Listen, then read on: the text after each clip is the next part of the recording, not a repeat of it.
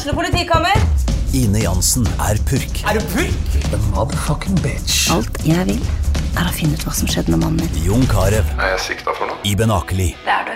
Ole So, Lars Berrum og Big Daddy Karsten. Hvem sin side er du på, egentlig? Anette Hoff, Tone Danielsen, Kommer du fra Afrika? Jørnis Josef, Nesten. Kløfta. Trond Espen Seim, Det er synd å si det, men det var feil mann som døde. Purk. Premiere tirsdag på TV2 Play.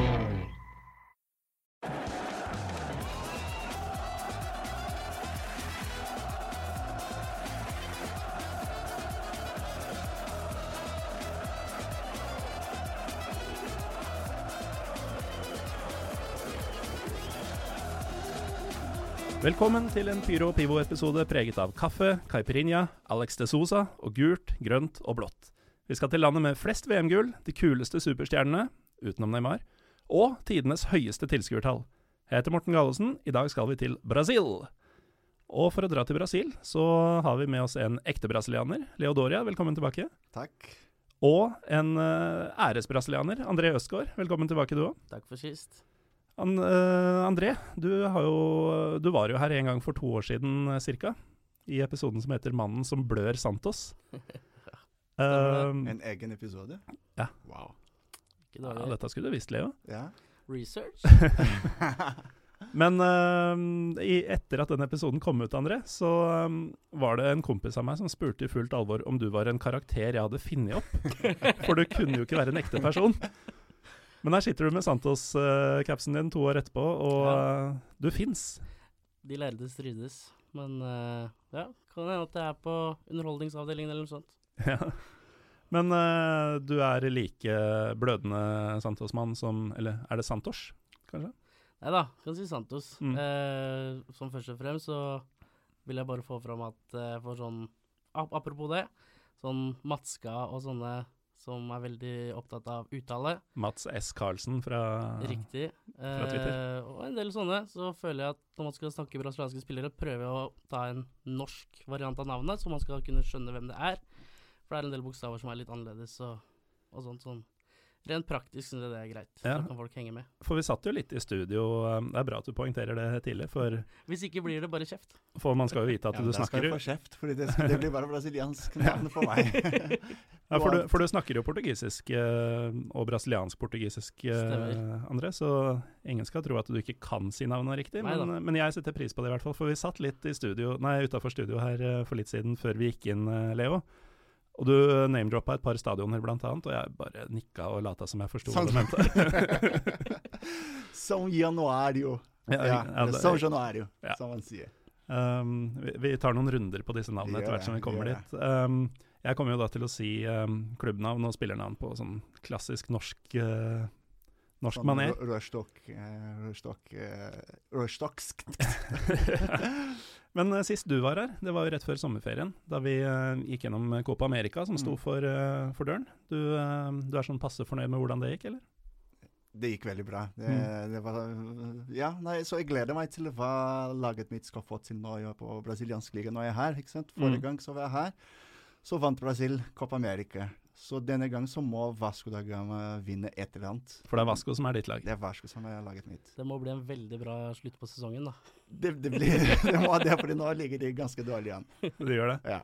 Uh, når vi er inne på det først som sist, hvordan går sesongen i Brasil? Altså Er det fra mai til Nei, eller sånn fra vår til uh, vinter, sånn som i Norge, eller er det en annen variant? Nei, det er en annen variant. I Brasil så er det fotball eh, hele året. Man begynner egentlig i februar med de lokale eh, mesterskap. ikke sant? Hver, hver delstat har da sitt eget mesterskap. Uh, og så spiller man samtidig uh, Copa do Brasil, uh, som er da den brasilianske, brasilianskapen, som går da frem til nå, tror jeg. Det er utrolig mange lag i veldig mange divisjoner som spiller den cupen, så det begynner veldig tidlig og går der frem til nå. Det begynner kanskje februar-mars, og så går til nå.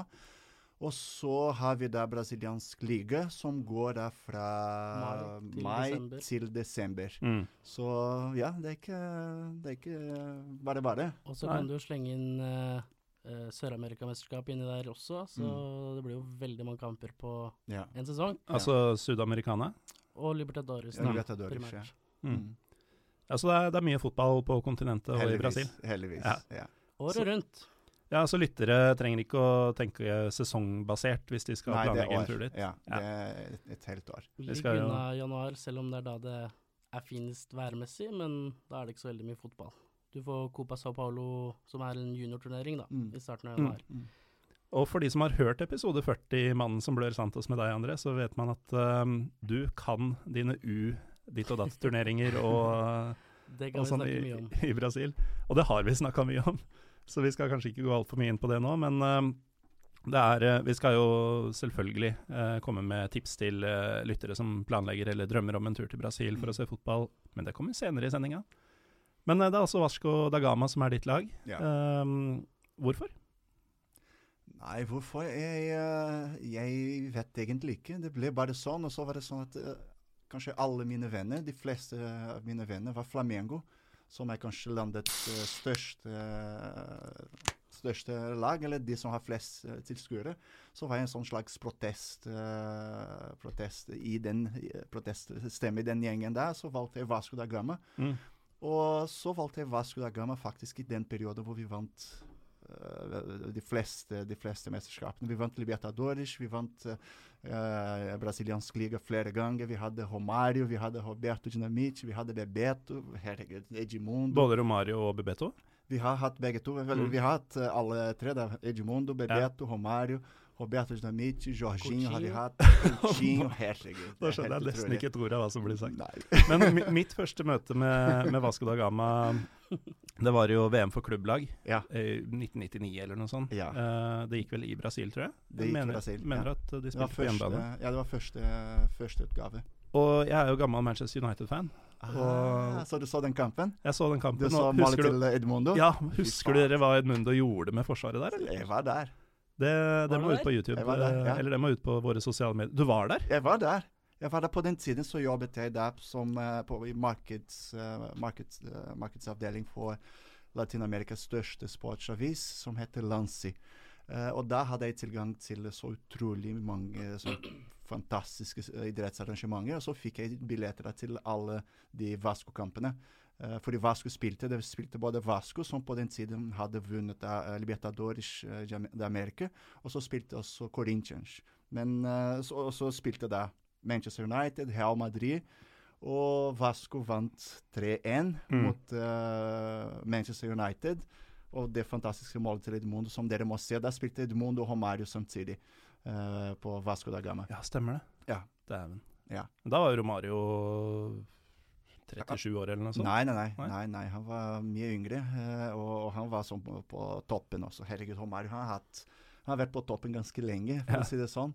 Men skal du snakke om finalen, eller kan jeg bare ta en sånn veldig kort om, eh, om den finalen der? Fordi det var tragisk. Finalen i det Klubb-VM. klubb-VM-et i Ja. 1999. Ja, fordi da ble det da Vasco da Gama mot Corinthians. Corinthians er også et av Brasils største lagene, med Mm. størst antall eh, supportere. De spilte på Maracana i Rio de Janeiro, som er da uh, byen til Vasco da Gama. Så vi spilte hjemme. Og så gikk det da til eh, straffekonkurranse, og så tapte Vasco med Edmundo som bommet eh, straffen mot Dide. Det var Dide som står der i målet for Corinthians. Mm. Og da jeg kan ikke huske at jeg gråt, men herregud, å høre, å høre den brølen fra, det brølet fra Corinthians supportere fra den andre siden av stadion, ikke sant?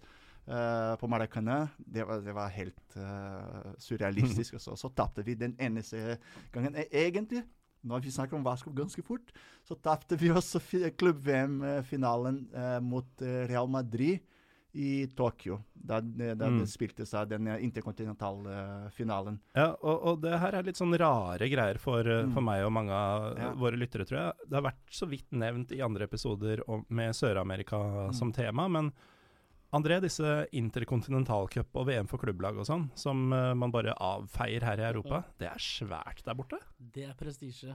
Mm. Eh, veldig mye rival rivalisering og stolthet i å først og fremst kvalifisere da, ved å vinne Libertadores. Og det å vinne, da er du jo best i verden. Så det er jo noe de sier. Altså, hvis man f.eks. er dobbel verdensmester, så har du jo da to stjerner på drakta, f.eks. Og det, det er jo Ja, det er jo det høyeste du kan vinne, da, Mm. i Sør-Amerika. Sånn Men er de klar over at Europa ikke tar det like seriøst?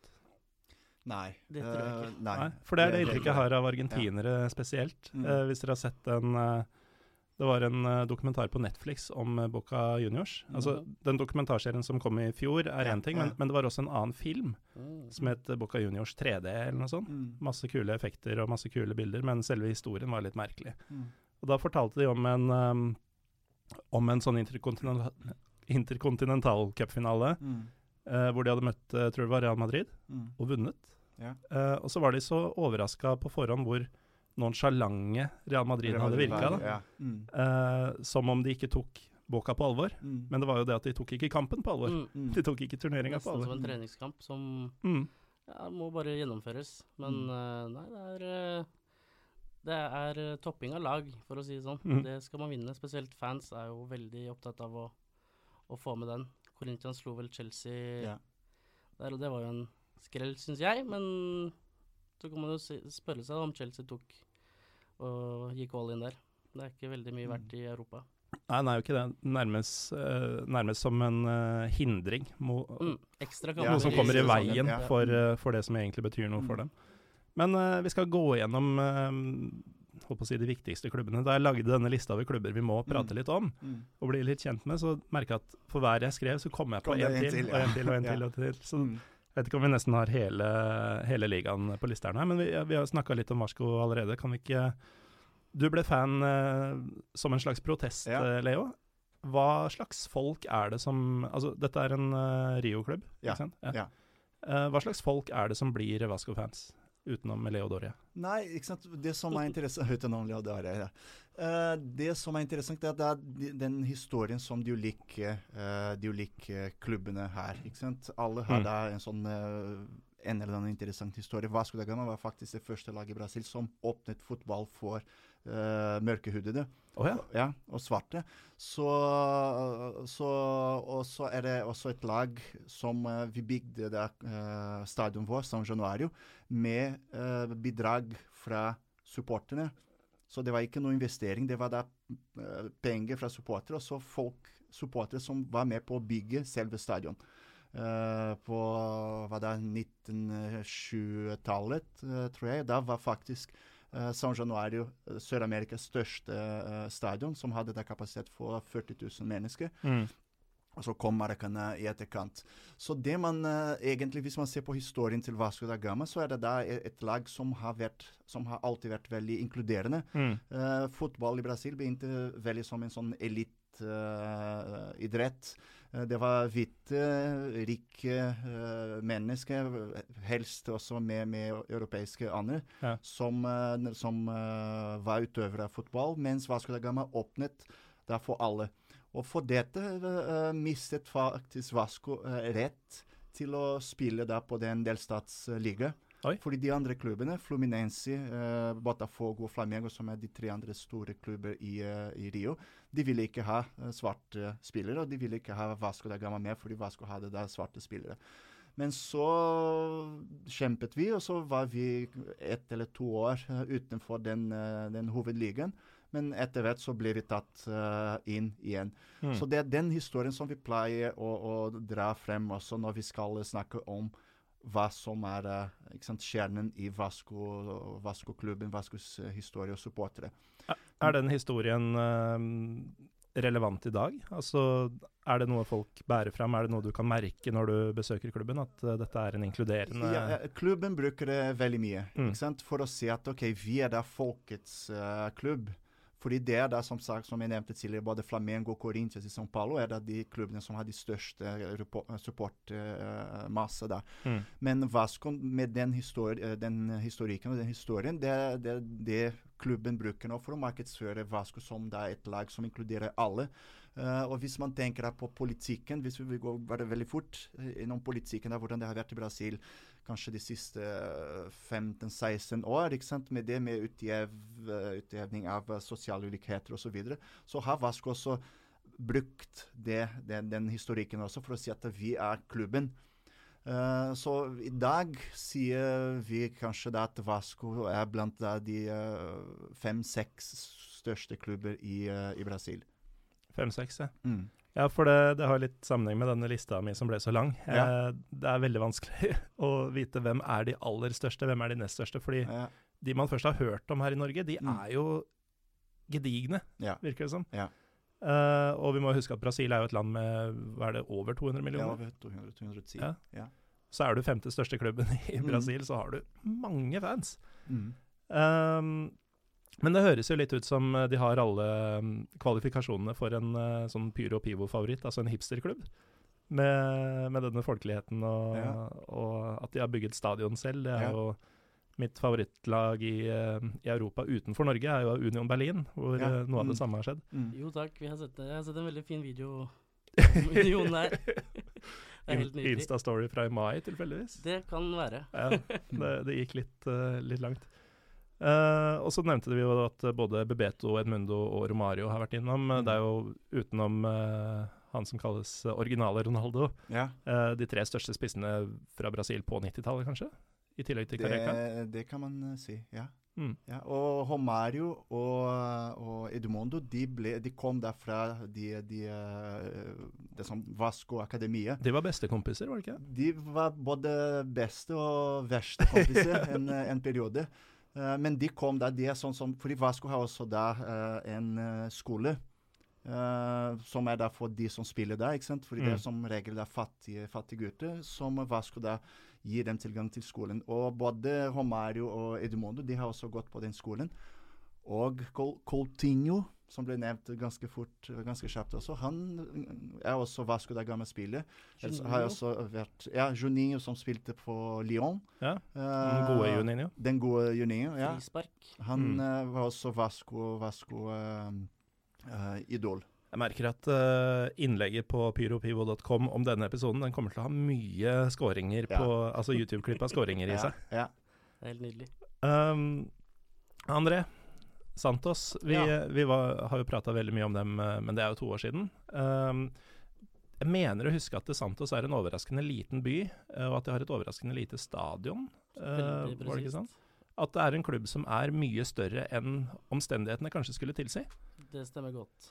Uh, som en oppfriskning, hva slags klubb er Santos? Santos er jo da uh, primært en klubb som var stor, naturligvis med Pelé og ja, så veldig, veldig mange andre store stjerner som spilte, For det er Eh, fosterklubben til Pelé. som spilte på 60-tallet. Vant alt som var. Eh, Klubb-VM to ganger, blant annet, som vi var inne på. Eh, Pelé vant jo etterpå VM og alt som var å vinne. Eh, så de fikk jo veldig mange fans tidlig. Eh, og i dag så sier man jo gjerne om Santos at det er klubben til besteforeldrene. eh, og sliter litt med å få fans i den yngre generasjonen. Eh, selv om man kanskje kan se at hvis man skal se på internett, så vinner de veldig ofte avstemninger og kåringer på internett, men på kamp så er det veldig få som kommer. Mm. Eh, liten stadion tar vel 20 000. Eh, det er sjelden det er halvparten av det på Villa Belmiro. Eh, ligger litt dårlig til Santos by, på størrelse med Oslo, sånn hvis du tenker på innbyggertall. Rett ved Så- siden av Sao Paulo, er det ikke det? Ja, times tid utenfor. Eh, kystby. Eh, kåret til Brasils tryggeste by eller noe sånt. Åtte-ni år på rad. Så veldig fin by egentlig, men eh, Ja. Eh, lite folk på kamp. Eh, mye sutring og, og, og sånt. Men eh, det kommer jo stadig vekk masse, masse gode spillere fra enda. Eh, men hva slags folk som heier på de Nå er det egentlig hva som helst, men på 60-tallet, som var storhetstiden, så var det alle, Ja. som regel. Og nå er det 8000 på kampene og en fyr fra Ja. Knapstad i Norge som Men Sampaoli er manager. Det er jo dritkult, da. Det er fett. Det er fett. Uh, hvor lenge har han sittet? Og hvordan har det gått? Siden januar, og det har gått veldig bra. Har leda ligaen nå store deler av året. Ligger nå på andreplass etter å ha gått på et par smeller. Men uh, halvsesongsfinale nå på lørdag mot Flamengo, det blir trøkk. Mhm. Gabigol og Bruno Henrique i kjempeform for Flamengo. Bøtter i mål. Ja, Gabigol, eh, altså Gabriel Barbosa. Eh, Riktig. Sant- Elsket, hatet. Santos-produkt. Santos-produkt. Eh, var Skal nå spille lån, mot dere. eh, Ja, var på lån i Santos i fjor. Eh, ble toppskårer i ligaen og cupen. Første gang i historien, så vidt jeg vet. Eh, og han er vel også tidenes toppskårer i brasilianske cupen nå. Eh, floppa i Inter. Mm. Eh, har uh, gjenopptatt karrieren veldig bra. Gikk til Flamengo nå på nytt lån og er i kjempeform. Mm. Så de som sier han er, var en flopp, de kan bare følge med, for den gutten er ikke ferdig. Nei, han er Hva er han? 22 eller noe sånt? 23? Ja, han er 96. Ja, ikke sant. Mm. Da blir han 23 i år, om han ikke har blitt det allerede. 30. august. Mm.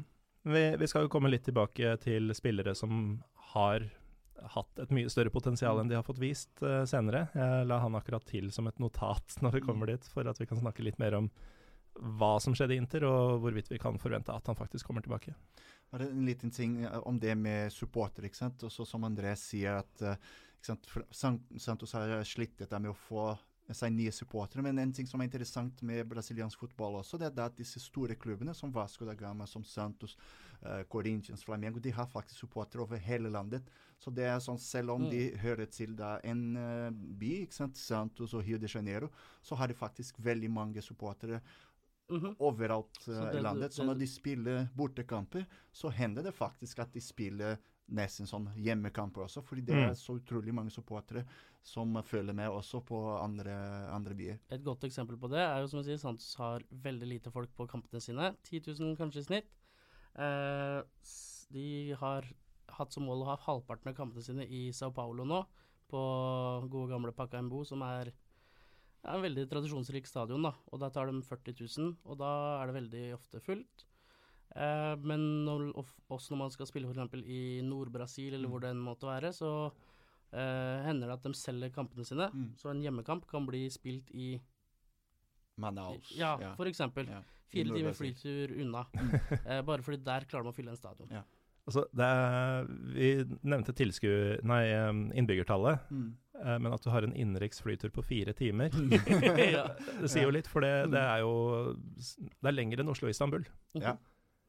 Så det er veldig slitsomt å få det er sånn, Spillerne de, de syns ikke noe om det.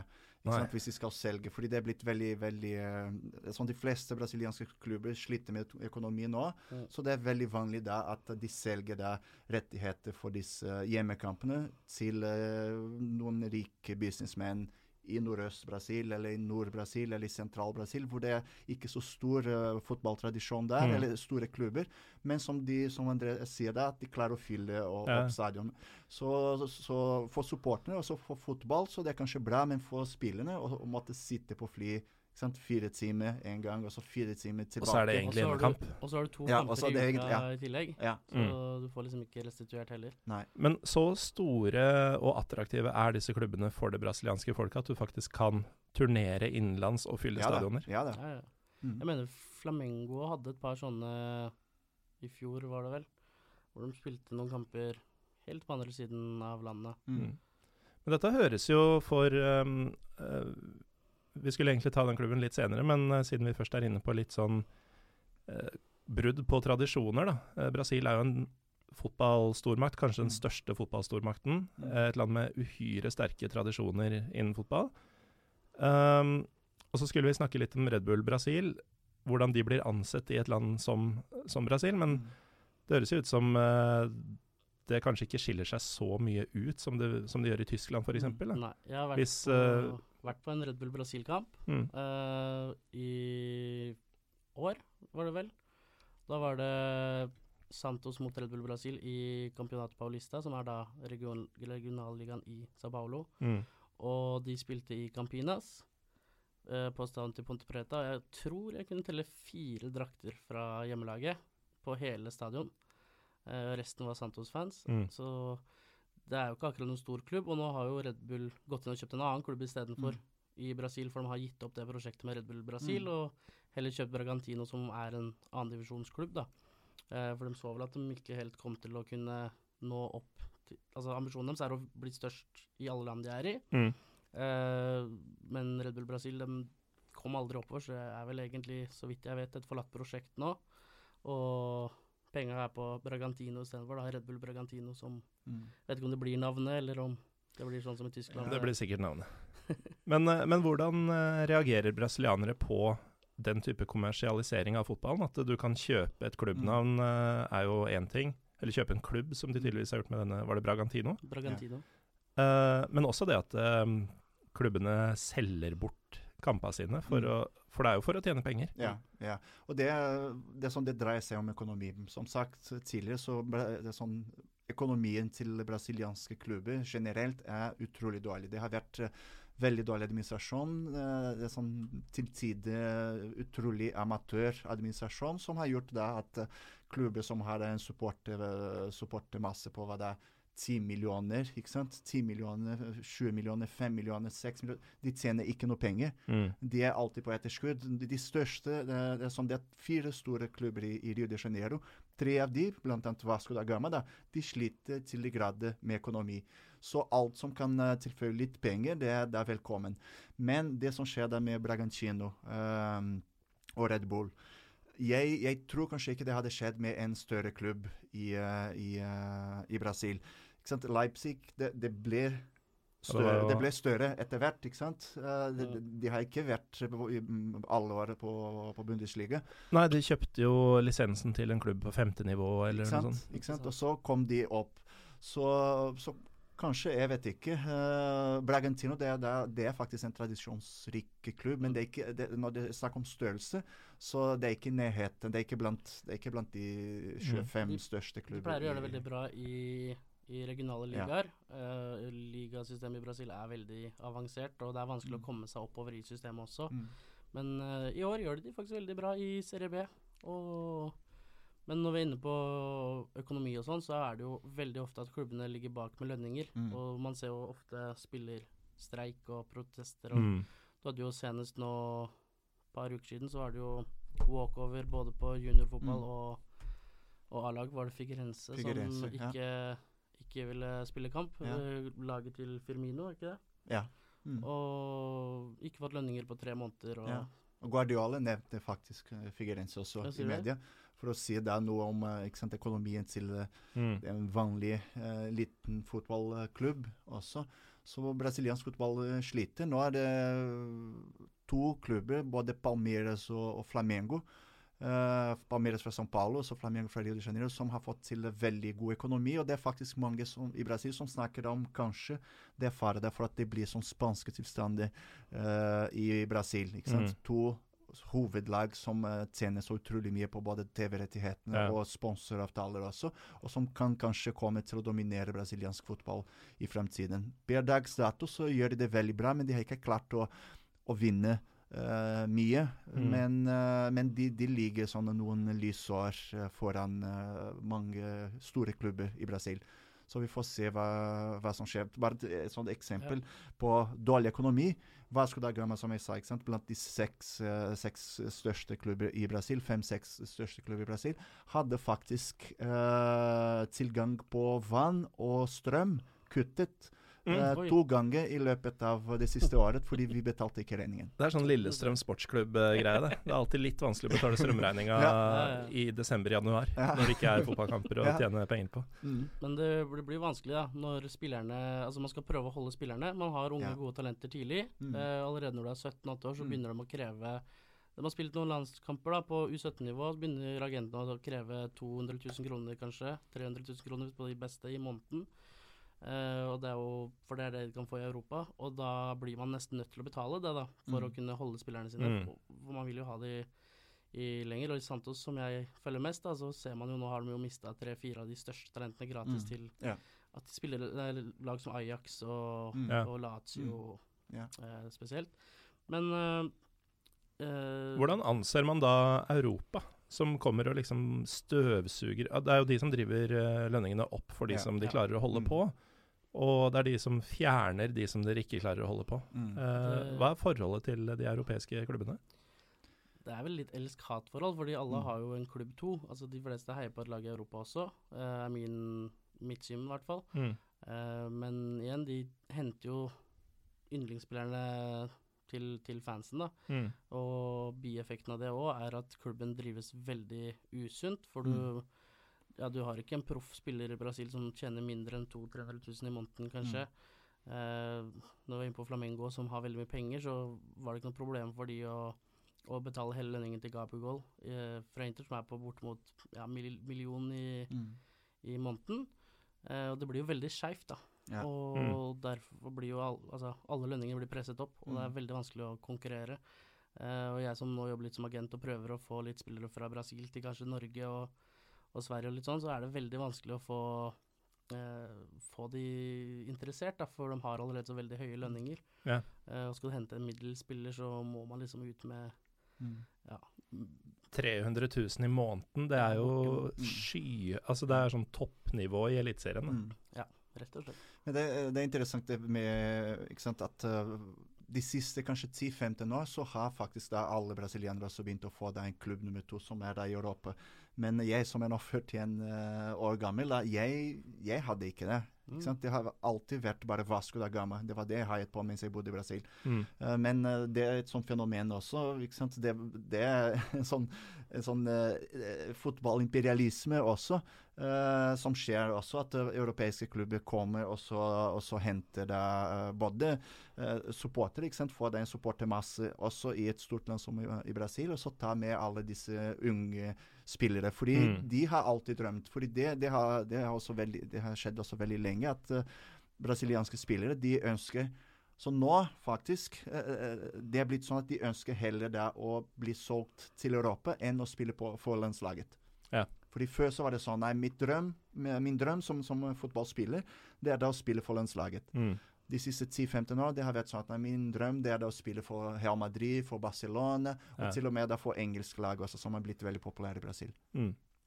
Um, André, du nevnte tidligere at ligasystemet er litt uh, innfløkt. Uh, kan vi bare ta en veldig um, overfladisk uh, oversikt her? Serie A uh, er navnet på øverste nivå. Stemmer. Uh, og der er alle de klubbene vi snakker om, bortsett fra dette nye Red Bull-laget.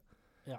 Og så er det Eh, en del som, av de store som gjerne går litt opp og ned, da. Mm. Vasco har jo vært nede mm, for ikke så veldig lenge siden, var ikke det? Mm, ja. Tre ganger siden 2005, egentlig. Ja. Og, det er et lag, og, og, og det er et lag som har vunnet uh, ligaen fire ganger. Ja. Og så har du Serie B, som da blir Obos-ligaen. Ja. eller? Riktig. Og hva skjer under der? Eh, Er det da vi går inn på regionale Nei. Du kommer ned til C og D eh, først. Og så har du eh, de regionale ligaene, som gjerne starter da i januar eller februar. Kommer litt Mm. an på hvor man er i landet. Men det, blir det da femte nivå, eller er det ikke sånn Nei. det funker? Nei, Nei. det er i tillegg til. Mm. Så de store klubbene fra øverste nivå er også med der. Eh, I Sao Paulo så har du jo da Santos, Sao Paulo, Corinthians, Palmeras, Ponte Preta, som er de fem store.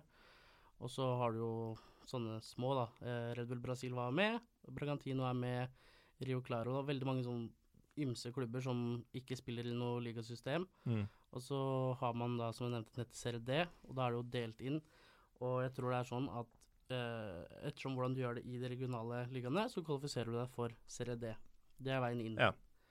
Men det er veldig vanskelig da å komme inn der, og, og derfor er det vel vanlig eh, ligasystem. Så Men- Hvis disse regionale er på siden, eh, Mhm. kan du da risikere at eh, et lag kvalifiserer seg for Serie D og bare herjer der? Fordi de var et så bra lag eh, regionalt? ja, for, for all del. Uh, de lagene som spiller i For det blir jo ikke som et opprykk. Nei, på en måte ikke. Du må jo kvalifisere deg. Men de som spiller i de regionale ligaene, selv om du aldri har hørt om lagene, så kan de slå Santos. Santos har tapt uh, mot små lag som Ituano f.eks. i finale. Uh, Ricardo Friedrich fra Bodø satt på benken forresten i den kampen uh, og løfta tittelen det året. Og så er det opprykk og nedrykk i de regionale ligaene igjen. da. Så det Mm. var gjerne, Ettersom hvor stor regionen er, så kan du ha fire divisjoner der også, Mm, mm. med opp og ned. Ja. Og gjerne i de regionale ligaene så kjører de jo sine varianter av poengsystem og hvordan man har kampoppsett. da. Mm. I Sao Paulo så har du eh, I en gruppe så møtes ikke lagene i samme gruppe hverandre. De Mm. møter kun alle andre lag. Og så får de poeng Ja, prøve å få mest poeng i gruppa uten å ha møtt hverandre. da. Mm. Det høres ut som vi gjør best i å holde oss til Serie A akkurat i dag. Vi kan prøve å tegne det en dag. Ja. Da, ja. Legge ut en sånn paint-tegning på Instagram. Veldig mulig at det var noe feilinformasjon inni der, men uh, Ja, det var ingen, uh, ingen, eh, Ingen innspill fra Høyre her, oh, ja, ja, så- nei. Twitter er skummelt. Men tilbake til uh, Serie A, så um, har vi jo Flamengo, Ja. eh, som har vært nevnt i noen bisetninger her. Mm. Alltid. Er det den største klubben, eller? André kan si det. Da.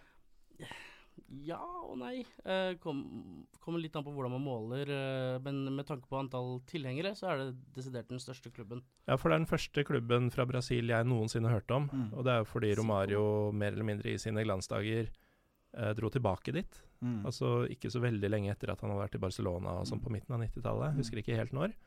Men han dro tilbake til Brasil, og da var det Flamengo. Og da skjønte jeg at Flamengo må være the shit. Mm. Eh, og det er jo derfor så ble jeg litt overraska over at han uh, har vært i Vasco. Ja, fordi de eh, er rivaler, da. Ja, Ja. Og, og jeg forbi, jeg, siden han dro til Flamengo, tenkte jeg han, Flamengo er hans uh, Boca Juniors, da, som, Mm. uh, som det ville vært for Maradona. Nei, men det, det er sånn at uh, jeg tror at de fleste eh, fotballspillere i Brasil de har en drøm om å spille for Flamengo. Så akkurat fordi Flamengo er da et veldig stort lag, et lag med mange, mange eh, millioner eh, supportere. Det som er interessant med Flamengo, hvordan de vokste opp til å bli så store som de er. da. Uh, på, på, på Flamengos da beste år, som var da på 80-tallet, så vant de uh, ikke sant, alt. De vant uh, også faktisk uh, interkontinentale cup mot Liverpool Mm. i Tokyo. Og det var da på den tiden hvor det er sånn brasiliansk TV og media begynte å kjøre veldig mye fotball. Sånn at det, det matchet da at uh, i den eh, åpning av fotball i brasiliansk medie, ordentlig til, tilgjengelig for alle, så var da Flamengo uh, den beste klubben i Brasil. Og da Mm. blir det lett å få da Ja. en sånn supportermasse sånn som de har fått. Og det blir bare større og større. De er vel også kjent for, i hvert fall i senere år, å være et lag som aldri vinner noe i hjemlig liga, men gjerne kan vinne eh, på kontinentet, da. Ja. Hvordan uh, Nei. hva, hva, hva, Flamengo? Nei. Omvendt, kanskje. Nei, ja. Uh, omvendt. De, de, vinner, de vinner ikke noe stort. Det, er det. De vant da siste gang de vant uh, Libertadores America. De har vært på Libertadores America veldig mange ganger de siste årene. Men den uh, eneste gang de har, de har vunnet mesterskapet, det var da på 80-tallet. Det var 81, hvis ikke jeg tar feil. Enten 81 eller 80. De vant mot Cobreloa fra Chile. Det var bare den ene gangen. Og så Året etter så vant de da eh, den interkontinentale cup mot uh, Liverpool. Så det er det de lever av, faktisk. Vasco da Gama vant Libertadores America senere, i 1998. Uh, så det er da et lag som, uh, som vant det er sånn på, på, på, på, på kontinentalt nivå, eller internasjonalt, så har ikke Flamengo gjort noe særlig siden 80-tallet, faktisk. mm. Derav kallenavnet Nesten, eller Cherinho. Chirinho, ja. ja. Er det Jeg drar paralleller til Tyskland i dag, jeg, fordi det er det, Ja, jeg, det jeg kan. Ja. Litt sånn som at Leverkosen blir kalt Neverkosen, fordi de alltid choker på oppløpet. Det er en god, god sammenligning. Um, hva, altså, Flamengo høres jo da ut som en klubb som har fans fra alle samfunnslag. At, de Ja, er sånn, det de. at det ikke er noen spesiell Mm. kultur nødvendigvis, men at uh, de bare er svære. De er, de er svære. Og når man er så stort i Brasil, så, så rekker man alle samfunnslagene. ja. Mm. Så de er både Høyre og Arbeiderpartiet i, Det kan man i godt si. Det kan Mm. man godt si. Uh, de har jo en byrival eh, som også begynner på fl. Ja, Fluminense. Fluminense. Ja. De Hva- vinner i hvert fall ingenting. Nei. Nei. Uh, hvor, Men Romario spilte også for Fluminense. er det pota på portugisisk også? Ja, man, ja, det kan man si. ja, hvis man ja, ja. Er litt sånn løs? Ja. ja. stemmer. Ja, for Han har spilt for de fleste, eller? Han- Nei, han har spilt bare for Flamengo, Vasco og Fluminense. Ok. Ja. Burde spilt for Botafogo også, hvis jeg skjønte riktig. Burde det, men Botafogo er enda mindre enn Fluminense, så det er ikke Mm. noe vits. Men uh, Flamengo og Fluminense, det er jo et uh, ordentlig rivaleri der. Ja. Uh, men sånn jeg forstår det Eller jeg har aldri helt skjønt hvorfor. Fordi Flamengo er- er så ja. mye større. Nei, fordi, hvordan er dette så de, eksplosivt? Ja, men de, de klubbene i Rio de Janeiro som uh, stort sett, de kommer da egentlig De begynte da som eh, roklubber. Ro? Før fotballen kom til Brasil, så var det da roklubber. Og da var det også veldig mye rivalisering. Hvis uh, uh, egentlig Fluminense de er kjent da som en sånn eliteklubb. Mm? Eh, og veldig, Altså samfunnselite? Samfunnselite, ja. Mm. Og så hvis, uh, hvis jeg ikke tar feil, så er også Fluminense kanskje den eldste klubben i uh, Rio de Janeiro, i hvert fall. Mm. Eh, og kanskje, kanskje Flamengo den nest eldste. Så de har hatt en sånn rivalisering gjennom historien i veldig, veldig, veldig mange år. Eh, og det ble overført da, til basketball, det ble overført til volleyball, det ble overført naturlig da, til eh, fotball også. Så det er noe som gjennomsyrer idretts-Brasil. Ja, du har jo det i alle statene. Selv om det nødvendigvis ikke er gode motstandere, så er man rivaler hvis man spiller i samme by, da. Eh, og det er jo ufattelig mange gode lokalderbyer i Brasil. Eh, Rio, du kan sette alle lagene mot hverandre. Ja. Eksplosiv stemning. Mm. Sao Paulo det samme. Eh, Porto Alegre så har du jo Grenal, Gremio Internasjonal, eh, Bahia. I Sør-Brasil. Mm. Bahia mot eh, Vitória. Vitória i Salvador. Mm. Og Recife har du vel eh, sport mot eh, Santa Cruz, Eller Nautico. eller Nautico. Ja. Så det er tre der. Ja. Eh, eh, I Minas Gerais har du Atletico Mineiro Cruzeiro, som er kjempelag. Mm. Så det er jo Uansett da hvor man skal reise i Brasil, så kan du klare å finne deg noe Mm. saft i Mm. kamper hvis du timer det riktig, da. Mm. Og Eh. med disse regionalligaene så får du det gjerne flere ganger i året òg. Mm. Man må jo til Brasil, skjønner jeg. Vi skal fikse det. Men uh, Fluminense er altså en vesentlig mindre klubb, uh, sier vi. Er det men en eldre og, Ja. Og litt sånn elitepreg ja, fra gammelt av, i Ja, det- Ja, Mm. og, og det og tilbake til eh, en sånn historie om uh, tilgang, uh, sånn, uh, eller utjevning, eller mangfold i fotball. Eh, de er kalt da, eller, eller um, hva heter det, kallenavn til, til Fluminense, det er Podjahois. Podjahois, det er da en sånn smykke til eh, Nei, ikke sant? Det er sånn som gjør at, eh, at eh, huden blir litt lysere. Å ja. Ja. Mm, Og det, ja, og det er fordi da Ja, ja og det er fordi da uh, De rykte, historie, jeg vet ikke om det stemte, men det sies da at Fluminense de pleide å bruke disse hvite pulver, ikke sant, rispulver. At de hadde uh, brune At de hadde brune spillere, så brukte de det på Jahoish på spillere for å, få dem, eh, for å gi dem uh, lov til å spille. Mm. Så de fikk da faktisk den, uh, den kallenavnet Podjahoish. Mens, uh, mens Vasco da Gama, som er da en, en, et lag som har da skanner, de, de har kallenavn Bacalhau, fordi det er bacalhau fra Portugal. mm. Og Flamengo har da Urubu, eh, Urubu, som er da Uh -huh. Hvorfor de har det, det vet jeg ikke, men det er da det kallenavn som Flamengo har. Så alle har også Santos er peixe, ikke sant? Fisk. Fisk. ja. Ja. Og så videre. Og det, det kommer pga. på grunn av at det er en havneby, en kystby. Sikkert, ja. Det er nok Mm. derfor. Og så er maskot hval, men eksempel Palmeiras er- kaller seg selv gris, så kan man jo Mm. argumentere om det er bra eller dårlig å kalle seg selv for gris. Kalle seg selv Eh, gris. ja. Mm. Kommer jo folk i forkjøpet, da. Det er Ja. ingen som kan kalle dere Nei, svin ja. hvis, uh, hvis dere gjør det selv. Men det, dette Fluminense-trikset med å sminke spillerne hvitere for å få lov til å Ja. bruke dem, det, har dere sett filmen Iron Sky? Nei. Nei, det har jeg ikke. Uh, tror den ligger på Netflix for, okay. fortsatt. Den handler om um, Det er en meget søkt Mm. um, komedie, Mm. sci-fi-komedie, hvor eh, det viser seg at tyskerne de, de ble jo ikke beseira på den måten vi tror under andre verdenskrig. De rømte til månen oh, ja. og etablerte base der. Jo, jo, jo, Mm. sett. Eh, og da er det jo en amerikansk astronaut som er uh, African American, Mm. som uh, drar til månen, og så blir Om han blir tatt til fange, eller hvordan det er. Men han blir jo da utsatt for visse eksperimenter av en etterkommer av eh, Josef Mengele, da. Mm. Og, og blir da hvit i huden. Men, eh, men ikke i resten av ansiktstrekkene eller væremåten. og så blir det utrolig dust derfra. Mm. Eh, Men, men eh, bare en siste ting om disse derbyene. ikke sant? Fordi det er igjen da, Hvis vi tenker på at São Paulo har da fire-fem store klubber, Mm. som André sa. Fire og en halv. Ja, fire og en halv. I Rio så har man også fire store klubber.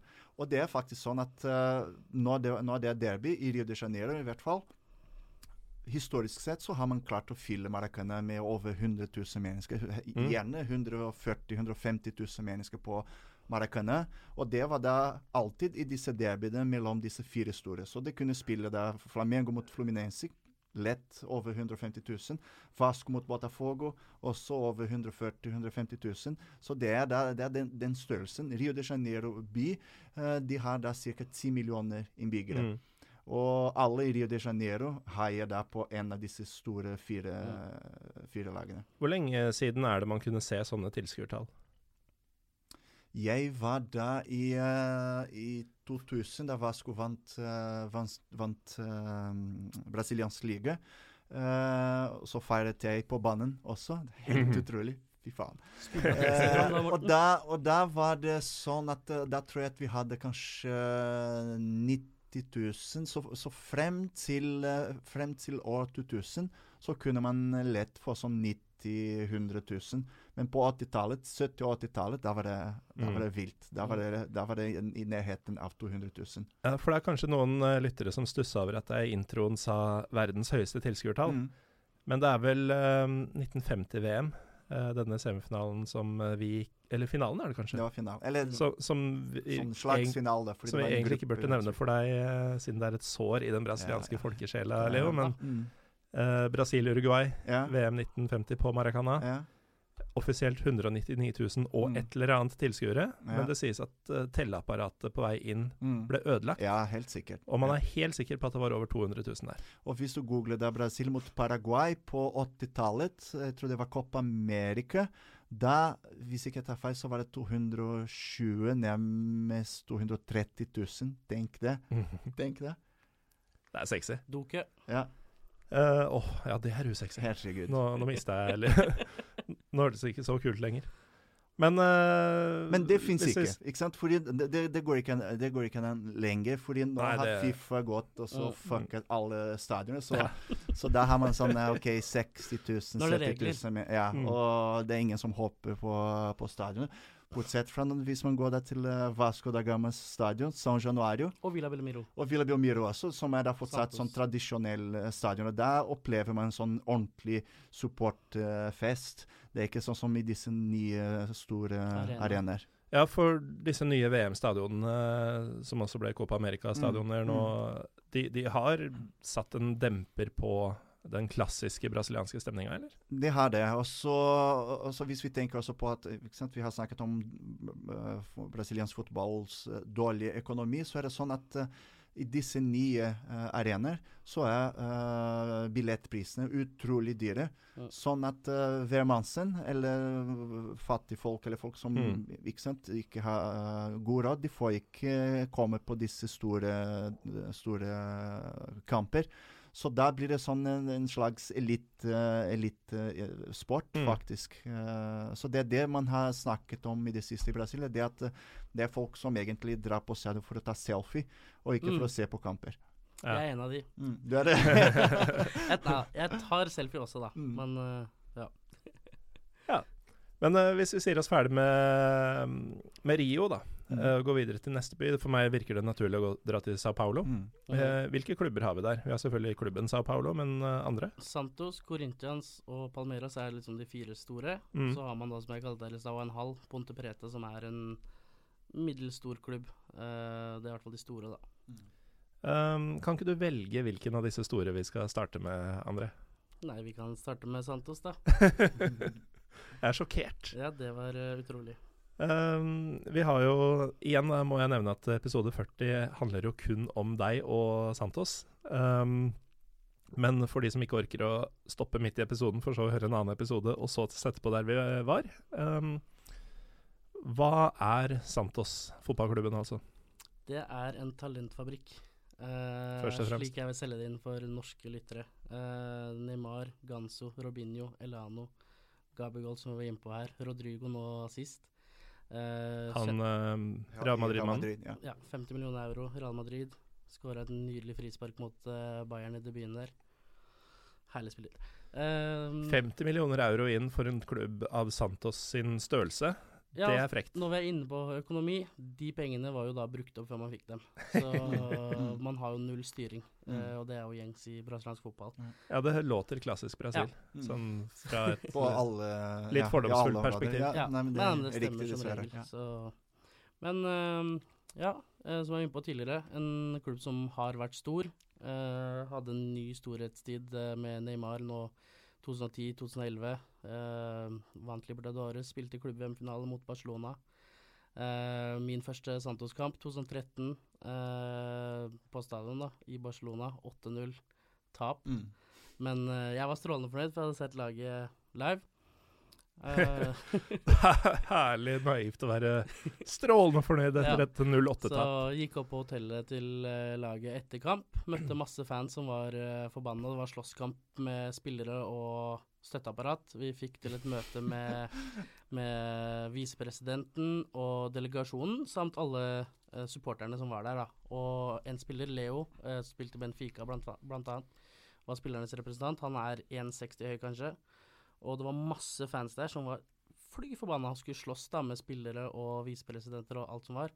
Kommer han 1,60 og dytter bort alle. ok, Hør på meg, hør på meg. hør på meg.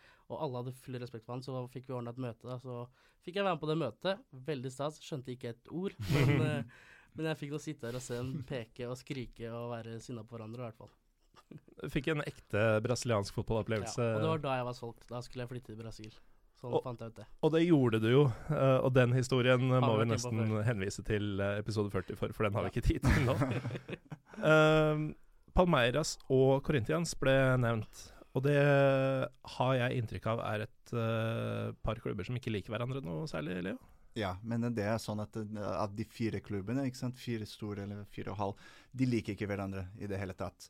Og de har faktisk gjerne allianser da med eh, klubber fra andre delstater. Sånn som f.eks. Corinthians allianse da med Flamengo. Palmeiras allianse med eh, Vasco da Gama. Hvordan oppstår disse?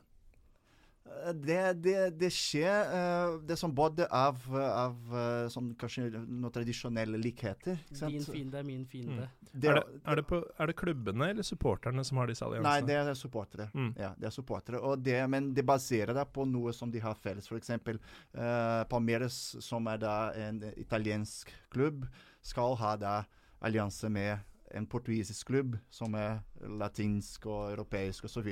I, i Rio de Janeiro.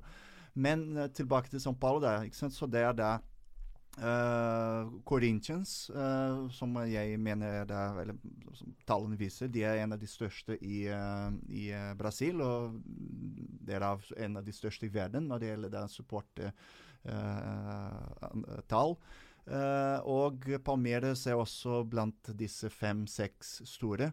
Og hvis vi tenker på de, i hvert fall de siste 40 år, eh, så tror jeg nok at Corinthians og Palmeiras de har delt også på hvem som har vunnet mest i, i São Paulo. Mm. Også med noen skudd fra, fra, fra Santos, men ikke minst også fra São Paulo, Mm. som er laget der hvor Rai spilte, uh, f.eks. Careca, Müller, det var store spillere der på slutten av 80-tallet, begynnelsen av 90-tallet. Ja, Og må, Kaka, ikke minst. jeg må bare Jeg prøver liksom å oversette Moura. Lucas Mora også, fra Tottenham. Ja, ikke sant. Han uh, fucka jo opp uh, min eh, Champions League-drøm uh, i, Mhm. i semifinalen mot Mm. Ajax.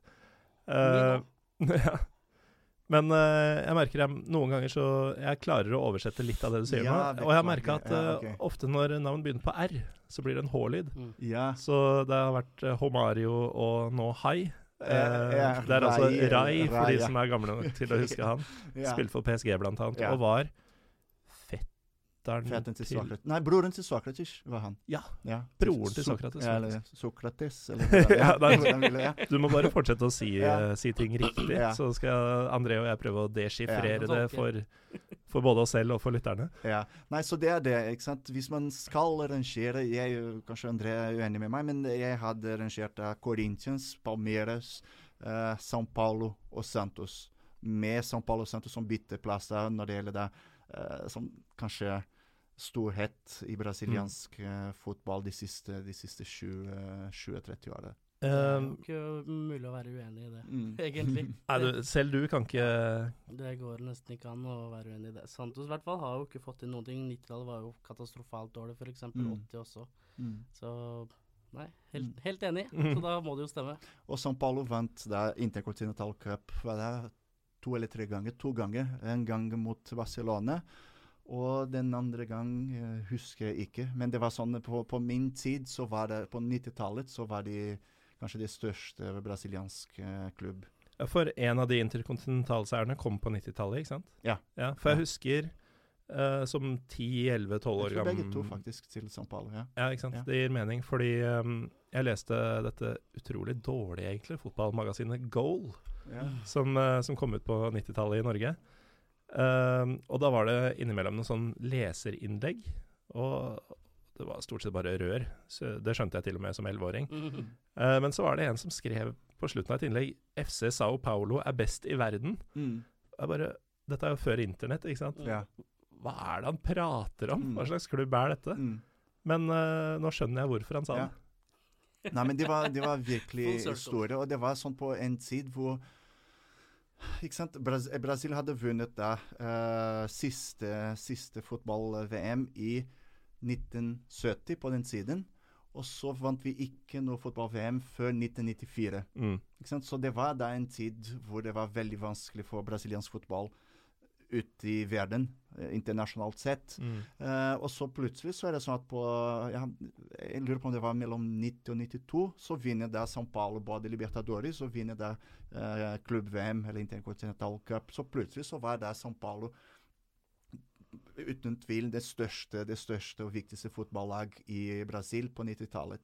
Så, så det var interessant. Og så etter det, sant, som sagt, i 94 så vant Brasil igjen, og så vant vi i 2002 igjen. Ja, og så skjedde en del rare ting eh, i det siste med landslaget. Ja. Mm. Um, har dere sett um, filmen 'Football Factory'? Om uh, Chelsea-hooligans med Danny Dyer i hovedrollen. Nei, ikke jeg. Han uh, lagde jo etter den filmen en um, serie hvor han dro og besøkte Mm. hooligans og sånn. Mm. Uh, først i England, og så kom en Real Football Factories International, hvor han reiste til uh, jeg tror det er åtte episoder hvor han er i forskjellige deler av verden. Han er i Brasil, og da er han på om det er uh, ikke klubbhuset, men supporterklubbhuset Mm. til Palmeiras. Mm. Mm. Det er så fett. Mm. Det er så forseggjort. Det er så enorm graffiti utenfor, Mm. og, og de har alt du trenger der inne. Ja, alt. Ja, Alt. Alt. Ja. Bokstavelig talt. Mer enn du trenger. Mer enn du trenger, ja. uh, så det ble jo en litt fascinerende klubb uh, for min del. Da. Men Mm. hva, hva er det som skiller uh, kanskje spesielt Palmeiras og Corinthians? Um, At hvem, sånn som, hvem er hvem? Ja, nei, sånn som man uh, sier uh, i Brasil, så, så skal det være det uh, Corinthians en mer folkelig klubb for alle samfunnslag, tilsvarende Flamengo. Mens, eh, mens egentlig det er São Paulo som skal være mer elite. Eh, nei, nå må jeg innrømme at den eh, akkurat når det gjelder historien til Palmeiras, burde jeg kunne litt mer. Altså. Fordi hva er de uh, kjent for, eller hva som skal kjennetegne de? Nå, nå i nyere tid så har det vel blitt litt mer en elitistisk klubb når de har Mm. blitt kjøpt opp og Ja. har fått veldig mye penger. Men Mm. historisk sett så har de vel uh, Ja, det er jo en italiensk klubb eh, med, med immigranter fra, Ja. fra tidlig av. Palmeiras? Ja. Ja. Så De, de pleide ikke sant? De har hatt veldig mange sånne klassiske Uh, Hvordan skal man si Klassiske spillere som er sånn rolige, som spiller pent og Rett og slett Italiensk. og nå har de ikke? Felipe Melo. Ja, og så har de Filippe Melo nå også.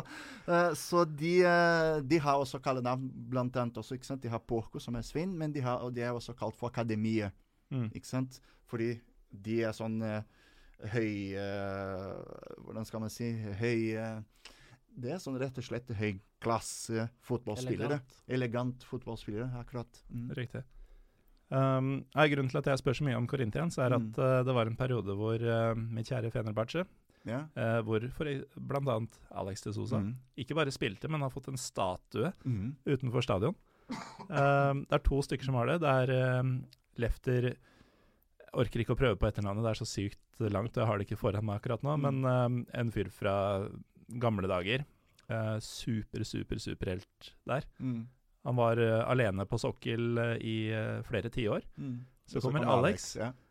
og er jo ja. han, han kom dit, jeg tror det var i sånn 2002-2004, Mm. rundt der en gang. Han var ikke avdanka. Han var fortsatt en veldig bra spiller i mer eller mindre sin beste alder. mm. Uh, og han ble der.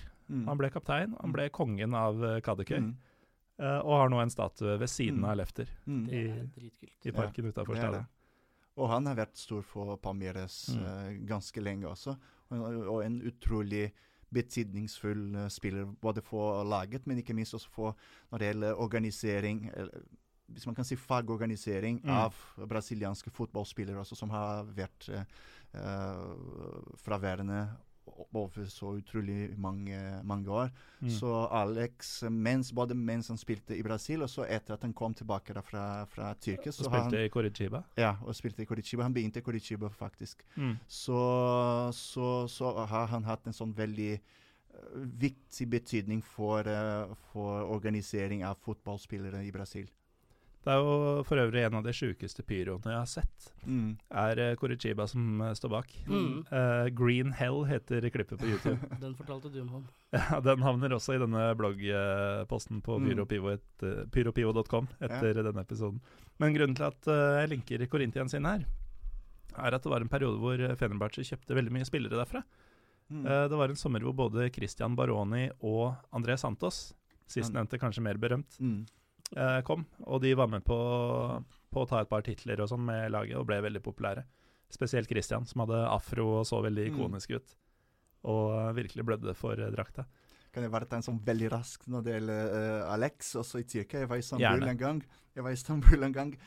Jeg har også samme etternavn som Alex. Leonardo Dore de Souza er navnet mitt. Så jeg har de Ah. Souza også som er samme etternavn, men det er da en sånn Nilsen-aktig. Det er så utrolig mange i Brasil som heter de Sosa. Ja. Fener hadde to som het Sosa samtidig. Ja, det var ja. Alex og David. Ja, ja. Og så kom jeg da på flyplassen, og så skulle da politifolk sjekke eh, passet mitt, og så så de De Sosa. Og så hentet de flere, flere sikkerhetsvakter da, og ville ta bilde sammen med meg og med passet mitt hvor det sto De Sosa der. De er proffe til fingerspissene, Ja, ja. disse tjenestemennene Ja. Um, en klubb eh, vi også må ta, er jo Gremio. Ja. Uh, og der har jeg forstått uh, Husker jeg riktig at det er klubben Ronaldinho kom Mm, til Europa fra? Mm. Ikke sant? Det Det er er verdt å nevne den bare for det. Ja. Um, men der har jeg skjønt at det er litt sånn dårlig styring, eller eh, ting som ikke funker helt som det skal for Og det, tiden. og det er interessant fordi eh, ikke sant? eh, du har da både Internasjonal og, og, og Gremio i Sør-Brasil. Og Sør-Brasil er kjent da for å være den rikeste eh, Kanskje ikke den rikeste regionen i Brasil, men i hvert fall der hvor velstanden er eh, mest eh, fordelt. Det, Mm. det er ikke så store ulikheter i Sør-Brasil som det er i resten av landet. Uh, og, og, og tradisjonelt så er økonomistyring og, og, administrasjon da veldig profesjonelt. Men når det skal blandes seg med fotball, så alt kan skje. Og det blir ofte sånn at uh, liksom, Tilbake til en sånn amatørstyring, amatøradministrasjon av fotballklubber. Og det er noe som, eh, som de fleste brasilianske klubber har uh, fulgt eh, og har, har drevet med. Også ikke minst eh, Gremio. Gremio hadde da Renato Gaúcho, som er nå Eller hvordan skal, hvordan skal jeg si det? Renato Gaucho. Ja, OK. Renato Portaluppi, som spilte for Roma bl.a., og var da en stor idol i eh, faktisk både Gremio på 80-tallet og Flamengo. Nå er han eh, sett som kanskje en av de eh, viktigste fotballtrenere i, i Brasil. Han har eh, eh, ledet Gremio de siste årene. Gremio har vunnet veldig mye. både Gremio er faktisk e- et lag som vinner mye internasjonalt også. Så de har vunnet Libertadores flere ganger, har vunnet også ligaen. Uh, men eh, nå plutselig så, så klarer de ikke Og, og det er da ikke minst laget hvor uh, Everton. Cebolinha, Everton. Mm. Ja, hvor, Everton som gjorde stor suksess nå i Copa America. Det er laget Everton, til faktisk. ja, det er laget til Everton Cebolinha som spilte nå for, uh, for landslaget.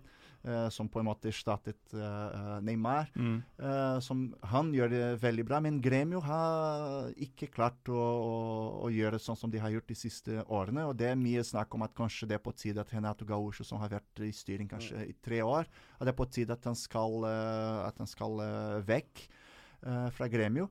Uh, og det har faktisk vært snakk om at kanskje han skulle ta over for Titi som landslagstrener. Så det gjenstår å se. Renato Mm. Gaúcho har alltid vært en sånn eh, en spiller Ikke veldig teknisk, men en som blør for drakta, som har skåret veldig mange mål uh, som spiller. Og, og han er likt av veldig mange supportere. Jeg kan ikke si kanskje de rival, rivaliser, rivaliserende supportere, men i hvert fall de eh, supporterne som heier på laget, som han sier, og andre supportere, de er veldig fornøyd med måten hvordan Mm. uh, Renato Gaúcho har styrt uh, Gremio.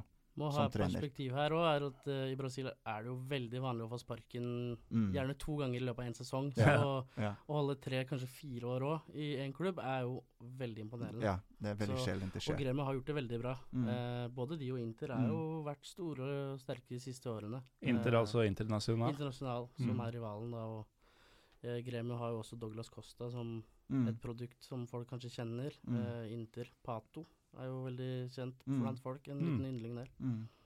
Og det er interessant når det gjelder Renato Gauchien, som er brasiliansk. da. Eh, for i det siste så har vi fått veldig mange utenlandske trenere.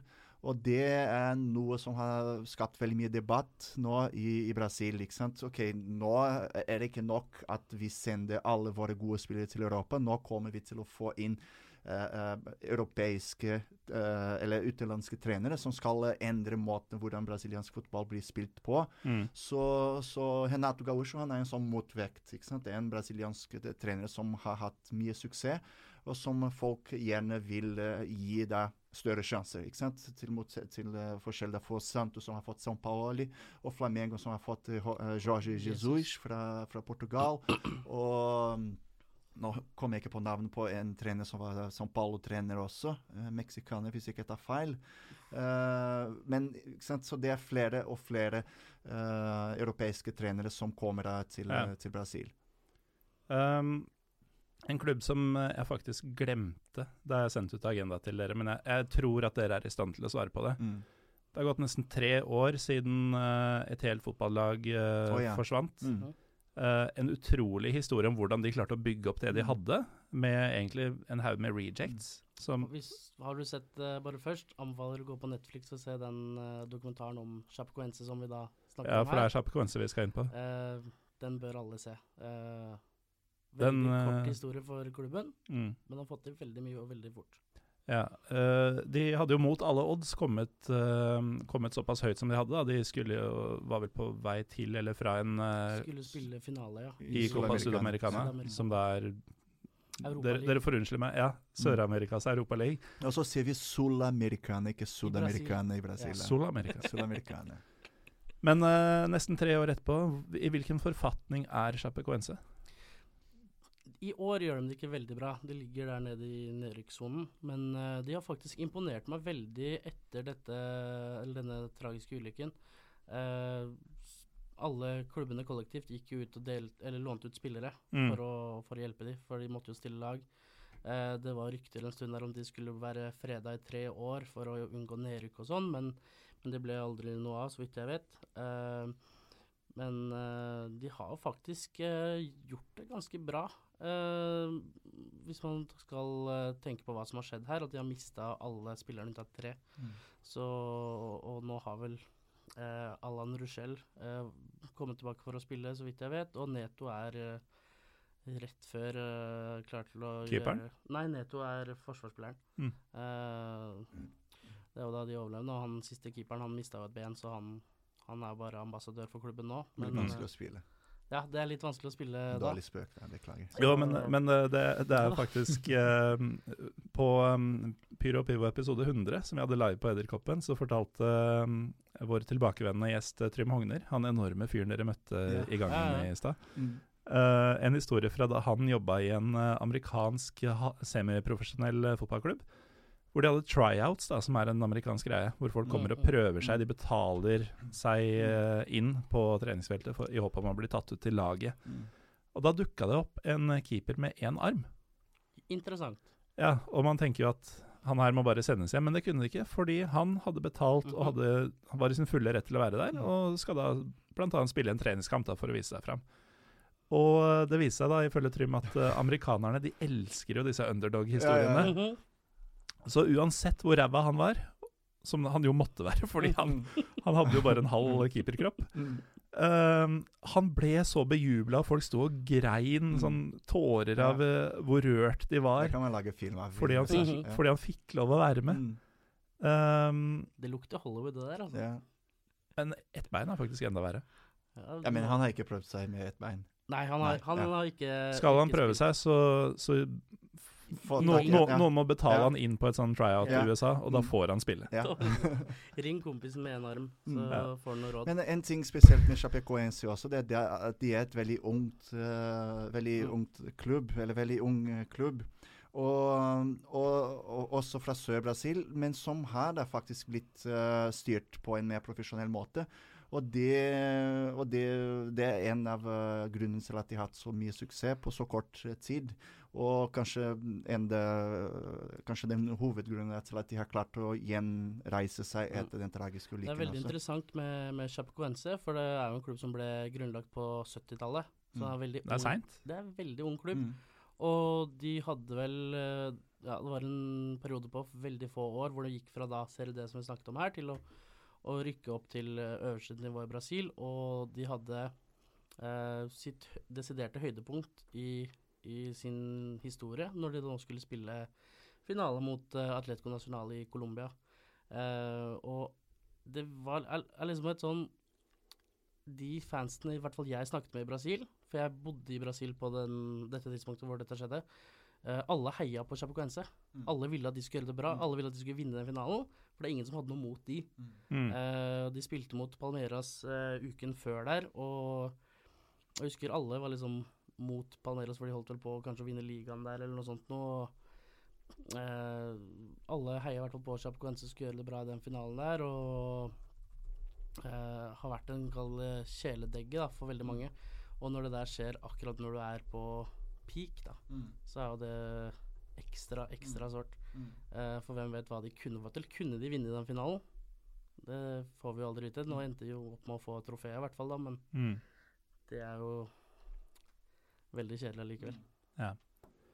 Um, tilbake til uh, ting som vi syns er gøy å snakke om.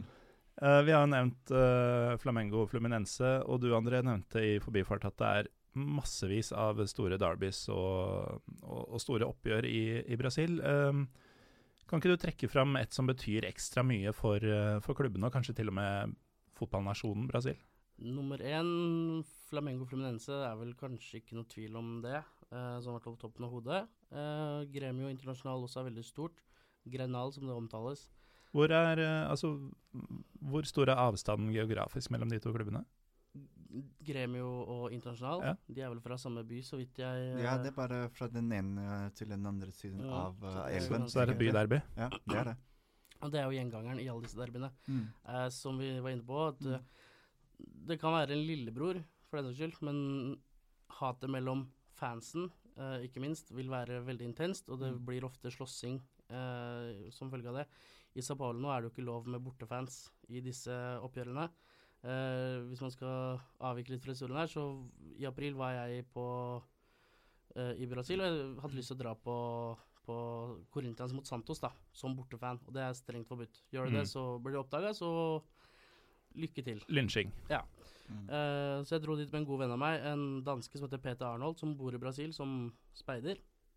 Og jeg kjøpte meg en caps og noen briller og, og bare håpet det skulle gå greit. Ikke den Eh, capsen du sitter med nå, ikke, med, det, ikke Santos-logo. Santos-logoen på. Eh, men jeg kjøpte på et kjøpesenter rett utafor uh, stadion til Corinthians, og det gikk heldigvis veldig fint. Han Peter er eh, i 50-åra, så de så litt ut som far og sønn der, og det var rolig. Og, men en Corinthians-fan spurte meg, da, siden jeg var hvit, og hva jeg gjorde på den kampen her. Så sa jeg nei, jeg er fra Danmark, da. Og Du kunne jo vært fra Norge, da. Nei, men han, han jeg var med, var dansk, og hvis jeg sier norsk, så Altså ikke for å virke hoven her nå, men i Brasil så veit veldig mange hvem jeg er, da. Og hvis Så jeg ville ikke ha noen mulige uh, måter til å bli oppdaga der.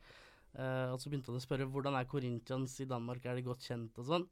Og jeg hater jo Corinthians. Jeg er sånn Nei, det er en veldig liten klubb. Det er nesten ingen som har hørt om eh, men, men jeg overlevde.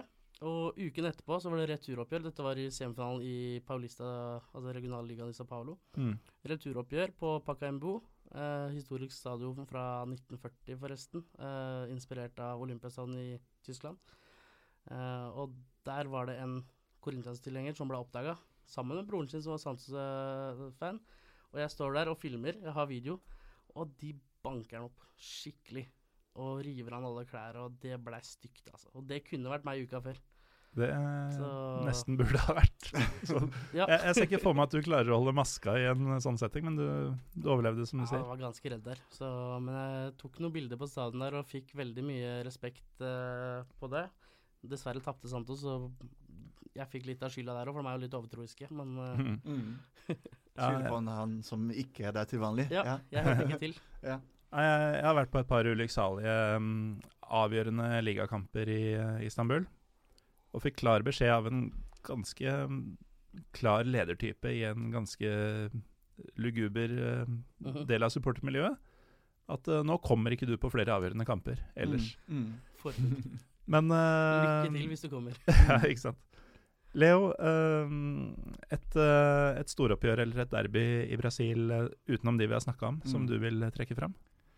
Uh, Bahia mot Vitoria Mm. i Salvador. Uh, mange nordmenn som uh, har hørt om Salvador, eh, i delstaten eh, Bahia. Eh, det som, hvis man snakker om eh, det å være overtroisk, så er det ingen andre enn eh, folk fra Salvador og Bahia som er mer overtroisk. Eh, det er sånn at eh, de driver med sånne black magic. Mhm. Eh, og da sier man at ikke sant? Fordi det, det, det er veldig interessant, fordi i Salvador så er det der kanskje den svarteste den svarteste storby i Brasil. Der ble det fraktet veldig mange slaver fra Afrika. Mm. det, det er veldig interessant, fordi når man har vært i Afrika Uh, og i Salvador, så ser man faktisk folk som du ser? Du, du ser det er sudanesere, du ser det er nigerianere. Du ser, de, de er litt forskjellige. Du ser ikke en nigerianer i Sudan, eller du ser ikke en kenyaner i, uh, i Ghana. Men når du reiser til Salvador, så ser du der alle mulige eh, afrikanske, eh, afrikanske etnisiteter Mm. uh, faktisk der. Og de har, de har tatt med seg alle disse s- svart magi eller black magic, alle disse overtroiske historier som uh, de hadde da i Afrika. De har tatt med til uh, Brasil eller, og til Salvador. Og de driver med det. Det er veldig vanlig at du går der på gaten i Salvador, og så ser du eh, en sånn bolle med en sånn eh, gave til guder, ikke sant? Med stearinlys og mat Mm. midt på Mm, gaten. Offer til Et så eh, offer mm. til Ja, og det skal man ikke røre. Man rører ikke det. Du kan være sulten som faen, men du rører ikke den kyllingen som står der. Så, Eh, så gatene bare renner over av boller med råtnende kylling? Alt og- mulig, alt mulig. Mm. Og det er så utrolig varmt der også, så du kan tenke deg hvordan det blir. Men det er sånn da at man skal gjerne liksom, tilby disse eller, øh, ja, gudene disse, disse gavene osv. Og, så videre. og særlig knyttet da til fotballkamper, og særlig da til store oppgjør. Så det man sier da, faktisk, det er da at uh, i disse store oppgjør, hvis man skulle virkelig tro på black uh, magic, da hadde de alltid endt uavgjort. Mm. Fordi det er sånn kraften fra begge leirene. De Ja, er det like store. hverandre. Det burde utligne hverandre. Og, og ja, det er igjen også veldig mye slåsskamp. eh, Det hører til i disse store derbyene.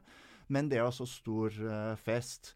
Det har vært sånn at det ble bygd da en uh, stadion også, eller det eh, renovert, den, eh, eller pusset opp den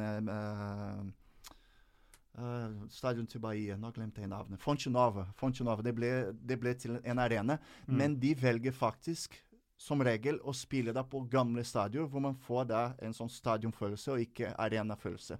Og det er alltid uh, fullt. Og uansett, nå spiller da Victoria i divisjon, mens uh, Bahia spiller da på toppdivisjon. Men når de møtes eh, i år også, så kan man ikke vite hvordan det skal ende. Spilte Bebeto også for Bahia mot slutten av karrieren? det er så riktig. Ja. Ja, Mm. se. Mm. men når vi er inne på Black Magic, eh, så er jo det flere steder i Brasil. Eh, for folk som vil vite mer om brasiliansk fotball, så anbefaler jeg boka til Marius Lien. Mm. Eh, brasiliansk fotball 125 år med driblinger. Der er det mange mer, mer om samme historiene Leo har fortalt her, om i Rio-fotballen f.eks. Og, og for eksempel sport, så har du jo også en del sånn oppe i Recife hvor du har Black Magic. Eh, og når vi er inne på norske byer, eller kjente norske byer, så har du jo Fortaleza òg, som har et fint derby med Mm, Sierra mot, mot mot Fortaleza. mm. som også er ganske eksplosivt, Ja. eh, med fulle stadioner. Mm. Eh, og apropos Bahia, så Bodø-Glimts keeper, Ricardo Friedrich, eneste brasilianer i Tippeligaen, dessverre. Eh, keeperen deres er hans bror, Douglas Friedrich, som nå, hvis man skal se på statistikk, da, i år er beste keeperen i brasilianske ligaen. Så det er litt kult Ja. for de som følger Tippeligaen, eller Eliteserien som det heter nå. Så er man eh, sønn i den eh, Friedrich-familien, så blir man keeper. Rett og slett. Og en, Har eh, ikke noe valg. og en ganske god en. Vi har vært litt innom dette med politikk i form av dette med at rase spilte en rolle tidligere, før Vasco da Gama bestemte seg for å gjøre noe med det, Leo.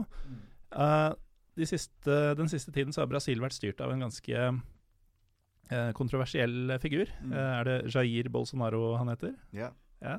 Eh, ikke i slekt med Jair eller Jair Sinjo fra gamle dager. Nei, nei, det hadde vært veldig rart. Det, det, det virker som om eh, veldig mange fotballspillere liker denne Mm. Han har blitt omtalt som Brasils Trump, for de som Mm. ikke har, eh, har hørt om han. Eh, virker som han har veldig støtte blant fotballspillere, og, Mm. og, og til og med mørkhudede spillere. Uh, kan du si litt om hva han driver med, og hvorfor han har denne tilsynelatende gode Mm. oppslutningen blant, eh, blant kjente brasilianere? Ja, han har hatt uh, sant, Gjennom hele hans uh, valgkamp og den kampanjen han drev der for å bli president, som det ble til slutt Uh, Han har fokusert på noen bestemte saker uh, som, uh, som alle brasilianere må være opptatt av. Mm. Han snakket veldig mye om eh, kriminalitet, kamp mot kriminalitet, kamp mot korrupsjon. Uh, og så selvfølgelig en kamp også mot arbeidsledighet.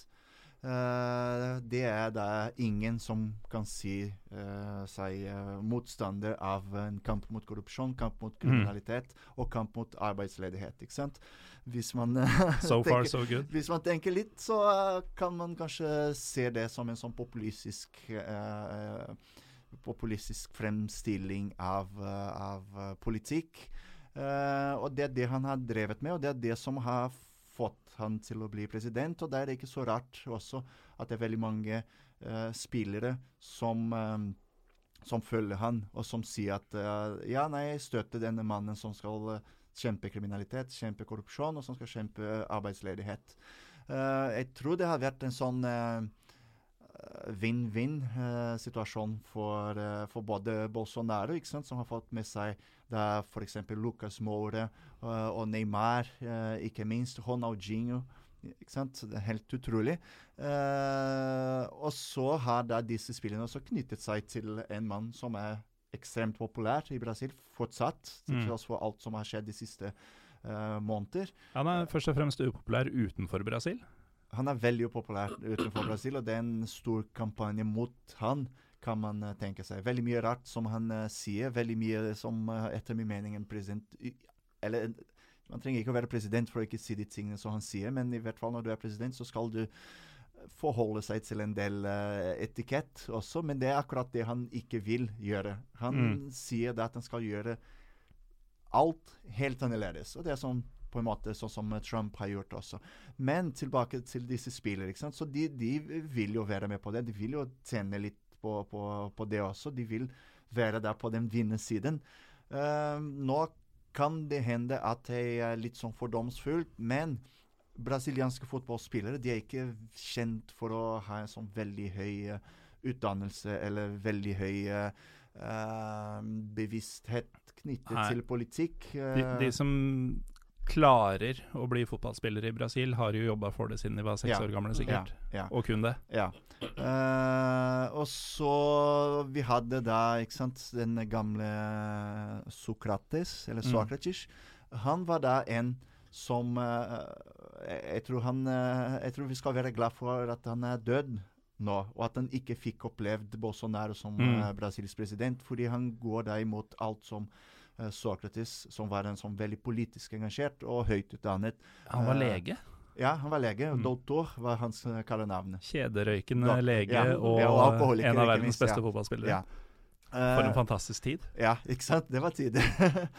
Nei, så, så det er da noen spillere, sånn som f.eks. Juninho Pernambucano, han som Juninho fra Lyon, som uh, er også motstander og, går, og har gått ut flere ganger og, og sagt eh, Ja, at snakket veldig mye negativt om Bolsonaro. Så vi har der faktisk noen spillere, uh, Alex også, som ble nevnt tidligere. Vi har Mm. noen spillere også som uh, har da en uh, ikke sant? Man trenger ikke å være venstreorientert for å, for å mislike Bolsonaro. Jeg tror kanskje man trenger bare å ha litt Ja, litt sånn Ja, whatever. Men, men, men det er da, ikke sant Det er da som regel, øh, som du sier, ikke sant, personer eller fotballspillere som har da jobbet hele sitt liv for å bli fotballspillere, og som kanskje ikke har passet på andre Mm. uh, eller tenkt på andre saker. Uh, det er de som hovedsakelig har stått uh, ved siden av eh, Bolsonaro, som fortsatt retweeter Bolsonaros tweeter og, videre. Men det, det er pussig for meg eh, Altså, Bolsonaros eh, retorikk foregår jo på eh, portugisisk til brasilianere. Eh, hvorfor er det så mange utenfor Brasil som ikke har dette som morsmål, som reagerer så kraftig på det, mens brasilianerne ser ut til å sluke det han sier? Uh, slukker det han sier. Jeg tror det, det er noe med kontekst. Uh, ikke sant? Vi får ikke servert konteksten på de tingene som han sier. Eh, og det skal en president tenke på. Eh, man, en president skal tenke på at det du sier, kommer til å bli hørt overalt. Og s- s- komme, hvis mulig, og det er alltid mulig, å bli tatt ut av konteksten. Så det som vi blir servert her, det er som regel en halv historie. Eh, mens brasilianere klarer å plassere da uh, Ikke sant? Eh, Jeg har sagt det tidligere i en annen sammenheng. Når du ikke vet eh, ikke sant? Når du går ut av huset, og så vet du ikke om du kommer hjem eh, i livet Mm. tilbake. Når du ikke har nok penger til å kjøpe mat. eh, når du eh, ikke sant? Når du vet ikke hva skjer med den skatten som du betaler på det lille som du tjener, blir det litt Det, blir- det blir faktisk litt søkt å tenke på miljø. Eh, det blir litt søkt å tenke på likestilling, må jeg si også. Selv om for oss eh, som, som bor her i Norge, det er noe som er selvsagt. ikke sant? Det er da en grunn til at vi lever sånn som vi lever. Det er at, blant annet at eh, det er like muligheter i stor grad. da. Mm. Og, og og sjanse og, og Ja, ikke noe i stor grad Eller en politikk som fremmer uh, likhet mellom kjønn. Det, det blir søkt for den vanlige brasilianere å tenke på det. Fordi de nærmeste grunnleggende behovene Det ikke må ikke tas hånd om. Altså Ja. det, det er en reell frykt og uro i hverdagen. Det er det. det er det. Og, og det er den konteksten som vi ikke klarer å forstå her i Norge. eh, som jeg prøver å, å få nordmenn til å skjønne gjennom heiabrasil.no. eh, og Ja. de artiklene som jeg skriver. ikke sant? Det er det å, å, å, få kanskje, kanskje gi deg, eller kontekstualisere som sagt, det som kommer til oss. Eh, og, og hvordan brasilianere Eller som, hva er det som brasilianere ser i den sammenhengen også. Det er da en setning, det er da et utsagn som er helt vanvittig. Uh, men for så for mange brasilianere i hvert fall, de som stemte på han, og mange som uh, ikke stemte på han, men som tror på han, it makes sense. Og det er noe som for oss, som har da en helt annen virkelighet, det virker selvfølgelig veldig, veldig rart. Mm. Ja. Um, du nevnte i en bisetning din egen nettside. Mm. Uh, jeg hadde tenkt å nevne det også. Altså. Ja, du kan nevne det Men uh, vil. heiabrasil.no er, Ja. er jo da en nettside som du driver, Ja. uh, som tar for seg mange aspekter ved det brasilianske samfunn og Ja. brasiliansk kultur, Ja. uh, sport. Mm. Et godt sted å begynne for lytterne som vil vite mer om Mm. Brasil enn det vi klarer å dekke i Mm. denne etter hvert ganske lange Pyro Pivo-episoden. Men den episoden den blir så bra. altså. Den blir så bra. Ja, altså. det blir så bra. Eh, men uh, ja, vi kan jo gå litt videre fra det, men da har vi i hvert fall toucha innom uh, Mm. politikken her. Ja, det, bare en siste ting. Brasilianske fotballspillere de har stort sett vært eh, upolitiske. De, de Mm. er ikke, de, er- eller upolitiserte. Eller de, de er ikke så veldig opptatt. Det er som du sa, ikke sant? de har jobbet hele sitt liv for å bli gode fotballspillere. Uh, heldigvis så har vi noen store spillere som kan eh, balansere litt eh, dette bildet, og som kan virke som gode uh, eksempler, uh, hva det hen skal være. ikke sant? Men i det hele tatt at man kan kanskje balansere dette bildet også.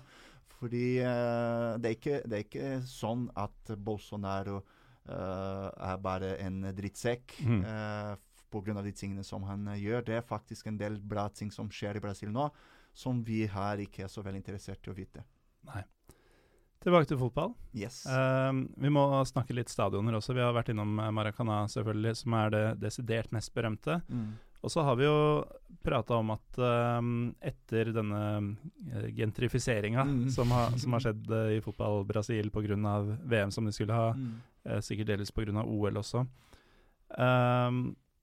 at det er jo et nytt landskap, på Mm. en måte, fra, fra det gamle, gode, gamle stadionene med den gode, gamle stemninga. Mm. Ehm, hvilke andre stadioner i landet nå utenom Maracana er det som um, skiller seg ut uh, i positiv retning, André? Personlig liker jeg, som jeg nevnte her i stad, veldig godt Personlig liker jeg veldig godt, uh, som nevnte her i stad, Pacaembo, som er i Sao Paulo, eies av, uh, av Sao Paulo eh, Ja. Kommune. Kommune. ja. Ja. Mm. Uh, og det er jo da fungerer som en, uh, en andre stadion da, for alle klubbene i, I området. Paulo. Eh, nå var det jo Nå var jeg inne på uh, arenaer og, og det negative med det. Palmeiras eier jo eh, Eller har nå fått en ny stor stadion, Allianz Park. Mm. Der Fra skulle- Allians, uh, samme Allians som uh, Ja. eier Allians Ja. eh, i München. og Og, Juventus og Ja, Nice. ja. Ja, hele røkla. Der skulle det nå være konsert, så de, og de skulle spille en avgjørende utslagskamp i Var var det Libertadores? Jeg tror det er vet det. Og de måtte da spille sin kamp på Pacaembo istedenfor, da. De ble hivd ut fra stadionet som egen stadion ja. konsert, Mm. og de røk ut. Ja. Eh, selvfølgelig, som man jo da kunne regne med. Mm. Eh, men det er jo en veldig fin stadion. Inspirert Altså hvis du ser fronten av stadion der, eh, bygd etter Olympiastadion i, i Berlin. Uh, Åpna i 1940, og der har det vært veldig mye historisk gode kamper. Og Mm. der har du også fotballmuseet i, i Brasil, ligger der. Ja. Vært der, eh, helt OK museum. Uh, anbefaler å gå innom der hvis man først er i Sao Paulo by. Uh, det er i hvert fall min favoritt. Og så har du en del sånne uh, spøkelsesstadioner nå som har kjempeanlegg. Eh, Manau, Manaus har Mm. jo en hvor du får kamper med kanskje 500 tilskuere nå. Det tar vet ikke hvor mange det tar, 40 000 Mm. kanskje. Og en gang i tiden kom det 40 000 der, eller? Ja, i VM. Mm. Ja. Mm. Eller, nå, eller nå Flamengo eller Vasco Ja, eller Corinthians de eller kamper, da. Santos, Er dette det stadionet inne i Amazonas? Ja. Ja. Mm. Det- God idé på sikt. God idé. Men det som er interessant veldig raskt om, om uh, Manaus stadion De har faktisk fått Manaus har faktisk fått et veldig, veldig godt uh, jentelag. Mm. uh, som, har, som har fått faktisk en del supportere. Så det kom ikke 40 000 der, men det har kommet 20 nesten 30 000 På damefotball? uh, på damefotball Ja. i Manaus. Er det vanlig i Nei. Brasil? Nei, Det er ikke det i det hele tatt. Nei. nei. det er noe som er helt utrolig også når vi ser på potensialet, og ikke minst faktisk også de resultatene som brasilianske kvinnelandslaget har fått gjennom året i, i, Mm. internasjonalt. Men damefotball er jo litt på vei opp i Brasil, syns jeg. Uh, har vært en del på Santos damekamper. De Mm. har vunnet brasilianske ligaen og litt sånn de siste Mm. år og vært veldig gode. Eh, har nå fått to spillere til uh, Hva heter fotball i Norge for damer? Toppdivisjonen, eller noe? Toppserien. Toppserien. Toppserien. Eh, solgte jo to spillere fra Santos dit nå, til Arna Mm. Bjørnar. eh, Nei, nå ljuger jeg. Det er et annet lag på Vestlandet der. Ja, Da er vi på tynn is. ja, vi, jeg er ikke god på det, men det er i hvert fall to spillere som spiller i Norge nå, fra Mm, Santos. mm. eh, så uh, har dratt på en del kamper der nede. De spiller veldig god fotball, eh, og det kommer stadig flere og flere på stadionet Mm. eh, på damekamper. Ja, det er faktisk en ting jeg er er litt usikker på om det var i fjor eller om det var i år, men det er faktisk en regel nå om at alle toppklubber i Brasil som spiller toppdivisjonen, de må faktisk også ha da kvinnelag. Så det er veldig bra. Det går riktig vei, men herregud, det går skikkelig Mm. treigt. Ja. Ja, så gjennom tvang eh, får man eh, framgang. Tvang er deilig. Um, André, har du noen uh, stadioner, uh, gjerne som du har vært på selv, men eventuelt ikke, som, uh, som skiller seg ut i negativ retning? Et sted det er skikkelig dritt å se fotball? Dritt. Eh, ja, annerledes fra norsk fotball, så har jeg vært i, i Recife, på stadion til Santa Cruz. Husker ikke navnet i farta. Uh, Estádio dos Aflitos. Nei. Nei? Uh, Du kan ikke bare lage lyder og tro at det er riktig svar, Leo. Aflitos. ja, det kan godt hende. Eh, var der. uh, eh, det er denne kampen vi har snakket om uh, når vi var litt av her. Et litt viralt bilde. Mm. Eh, og det er jo en Det er sånn vollgrav, da, mellom eh, publikum og banen. Og der hadde eh, slåsskamp mellom Santos-fans på tribunen eh, innad, da. Og jeg husker veldig godt et eh, flykick mot en fun funksjonær, blant, annet. Eh, veldig godt. Eh, det er litt negativt, eh, men fin stadion, egentlig. sånn Bare ubehagelig opplevelse. ja, det var, det var første kampen min der nede, eh, det må jeg nevne. Var, vi- Du endevendte livet ditt for å komme til Brasil, Brasil, og så er det det første du opplever? Ja. Jeg hadde flydd tre og en halv time fra Sao Paulo dit. Uh, fikk streng beskjed om at vi kunne ikke ha på oss noe drakt eller noen ting. Måtte gjemme drakter nedi, eller rundt livet. Og jeg hadde kjøpt sånne bannere hvor det sto Knapstad Noruega, som er liksom vært min greie. Måtte vi ha i skoen og smugle inn. Og måtte dele oss opp i grupperinger på to og to. Vi kunne ikke gå en gjeng, for da kunne mistenke at ok, her er det noen fans, siden ingen har på seg drakt. Eh, så det var litt frykt inne i bildet der. Mm. Men uh, det gikk veldig greit. Overlevde uh, også den gangen. Men en annen stadion som jeg har vært på som jeg syns er veldig fin, da, er jo i, i Curitiba, som på hjemmebanen til, til Atletico Paranaense. Veldig fin stadion, Mm. som også kom til VM der. med tak og, Mm. Og, og et veldig toppmoderne stadion, da. Og den kom før VM, faktisk. Det var den mest moderne stadion Ja. i brasiliansk fotball før VM. ja. Og den ble ikke bygget fordi det skulle Nei. være VM noen år senere. Nei. Den, Nei. Det er i Sør-Brasil også. Mm. Mm. Det er en eh, liten solskinnshistorie, da. At de lager, eh, lager et ordentlig stadion. Mm, Men det er med, uten det er med, baktanker. kun, det er med kunstgress. Nei! I Brasil? Mm. Hvorfor? Det er et godt spørsmål. Det er mange som, eh, som mobber dem pga. det. Ja, det må man. Det må man. yes, Spiller Corrichiba der nå? Nei, det er Atletico Paranaense. Eh, Ja, ok. Ja, det er bra at ikke Alex måtte oppleve dette. Nei, stakkars. Eh, hva er dine favorittstadioner i eh, Brasil, eh, Leo? Det er uten tvil San Januario, eller Sa Sao Januario. San Januario er det. Det er der, som sagt, det er, det, er både historie der, og det er så f mange fantastiske øyeblikk. eh, og og, og eh, det, det, man, kaller for caldeirão. Det er da en um, En, en gryte. en gryte. Ja, Ja, ja. Det er sånn Ja, rett og eh, slett. s- som du kjenner da disse tyrkiske stadioner. Heksegryte? Heksegryte. Det er helt fantastisk, og det er veldig tøft å spille der. Uh, jeg har videoer av den på min eh, Instagram-konto, Leona Noruega. Ja. Leona Noruega? Yes. Mm -hmm. Eh, veldig Ja, veldig mye historie og veldig utrolig bra atmosfære.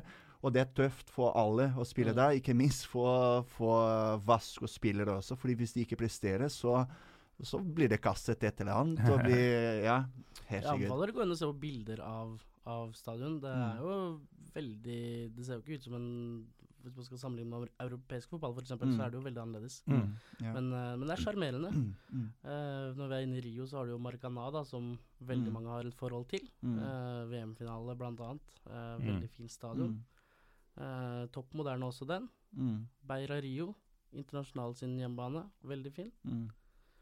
Eh, så det er en del av VM-stadionene som faktisk er fine, uh, og, og god atmosfære, men de er jo aldri fulle, da. Nei. Mm. Bygget for store? Ja, de det blir for store VM. for dyre, for dyre billetter også. Ikke sant? Man vet Ja. at man kan tjene penger når man spiller fotball-VM, Mm. men når man skal spille regional liga eller delt statsmesterskap, det er noe annet. Jeg har hørt om flere klubber som går i minus på kampdag Mm. uh, når de spiller på disse arenaene. Ja. Minus på kampdag, Ja. faktisk. Mm. Så det er lurt For de leier jo stadionene. Ja, Eller- altså, Nei, det nei, er fordi det det er en del koster- utgifter da, ja, ja, å drifte det, Du skal ha funksjonærer, du skal ha strøm, du skal Mm. Mm. Ja, det er mye der. Ja, og så klarer du ikke å dekke det med, med billettinntekt. Nei. Ja, så, der, eh, så der blir det sånn at man er nødt til å leie ut for konserter. Mm. Og der blir man Og- kastet og da ut. heller Da blir du kastet da blir du kastet ut av sitt eget hus. Deilig. Brasiliansk fotball er en suppe, men det er Ja. nydelig. Lag får ikke spille på hjemmebanen sin fordi det krasjer med et annet Mm. arrangement, Mm. og noen har kunstgress. Jeg tror vi gir oss der ennå. Men de trener faktisk en del på kunstgress. i hvert fall. Jeg vet Santos uh, juniorene spiller en del på kunstgress når de trener. Men Mm. det, når, når det er snakk om kunstgress, så jeg hater kunstgress også. Selv om jeg syns det er litt deilig å spille der nå, når jeg har fått dårlig kne og ankel og rygg og sånn. Ja, og Men- så er jo alternativet for deg som spiller på jeg- Du sa du var 41 år gammel, og um, Mm. Du, du hadde tydeligvis tid til å gjøre dette før vi gikk i studio, og nå drikker du en pils. Ja, Uh, jeg antar at det er et relativt lavt nivå. det var et veldig bra nivå i dag, altså. Ja. Det var det. Men det er en vennegjeng. Men relativt, ja, ikke sant. Ja.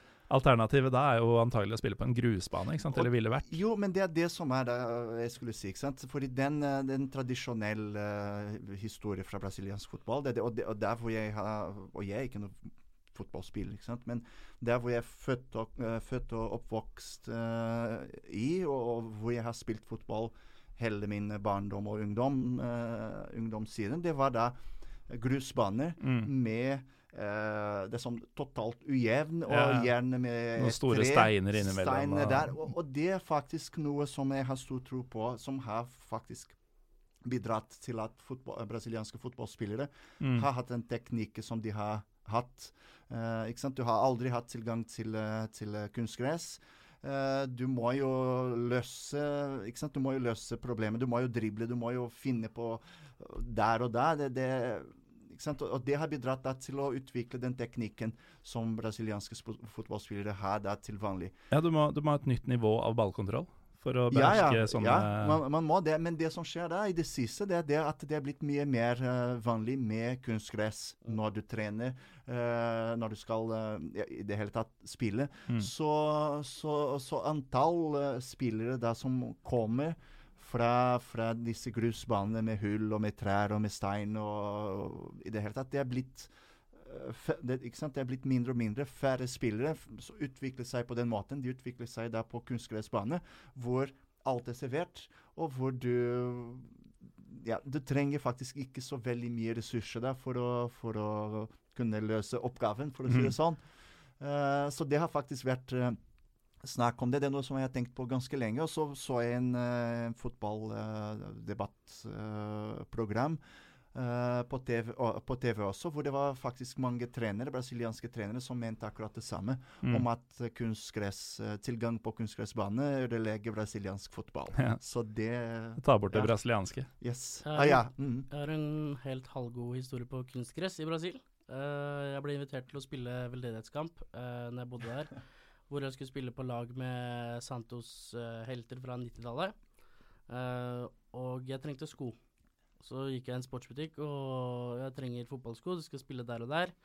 Uh, så sa han i disken at jeg trengte kunstgressko. Og så nei, nei, nei. Det trenger jeg i hvert fall ikke. Jeg, jeg, må ha gressko. Så kjøpte jeg gressko. Kommer dit dagen etterpå, skal spille med, med masse store stjerner.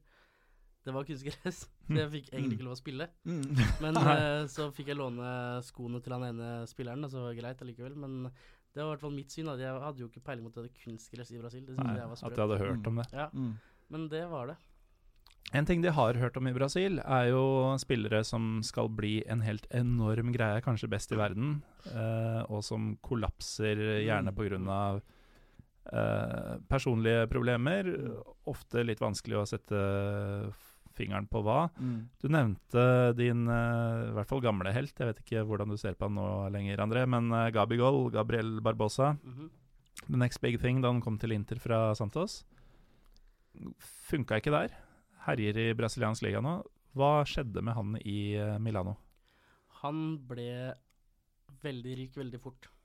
Uh, er egentlig korte svaret på det. Er det også det korte svaret på det større spørsmålet her om hvorfor dette skjer om igjen og om Ja, og jeg tror det er tendensen. Eh, de kommer fra ekstrem fattigdom, veldig mange av disse her. Aldri hatt penger mellom hendene. Eh, begynner å tjene ganske bra i brasiliansk fotball, men så kommer du til Europa, og Gabigol fikk vel bortimot uh, ja, For han eide jo 40% av seg selv, så han fikk jo veldig Kan du gjenta det? ja, han At han eide 40 av seg selv, det er veldig bra. Det er jo bra. sånne kontrakter Ja, ja, ja, ja. har, ikke sant. Så han fikk jo bortimot jeg vet ikke hva det var, 20 millioner euro eller noe sånt Mm. på bok der.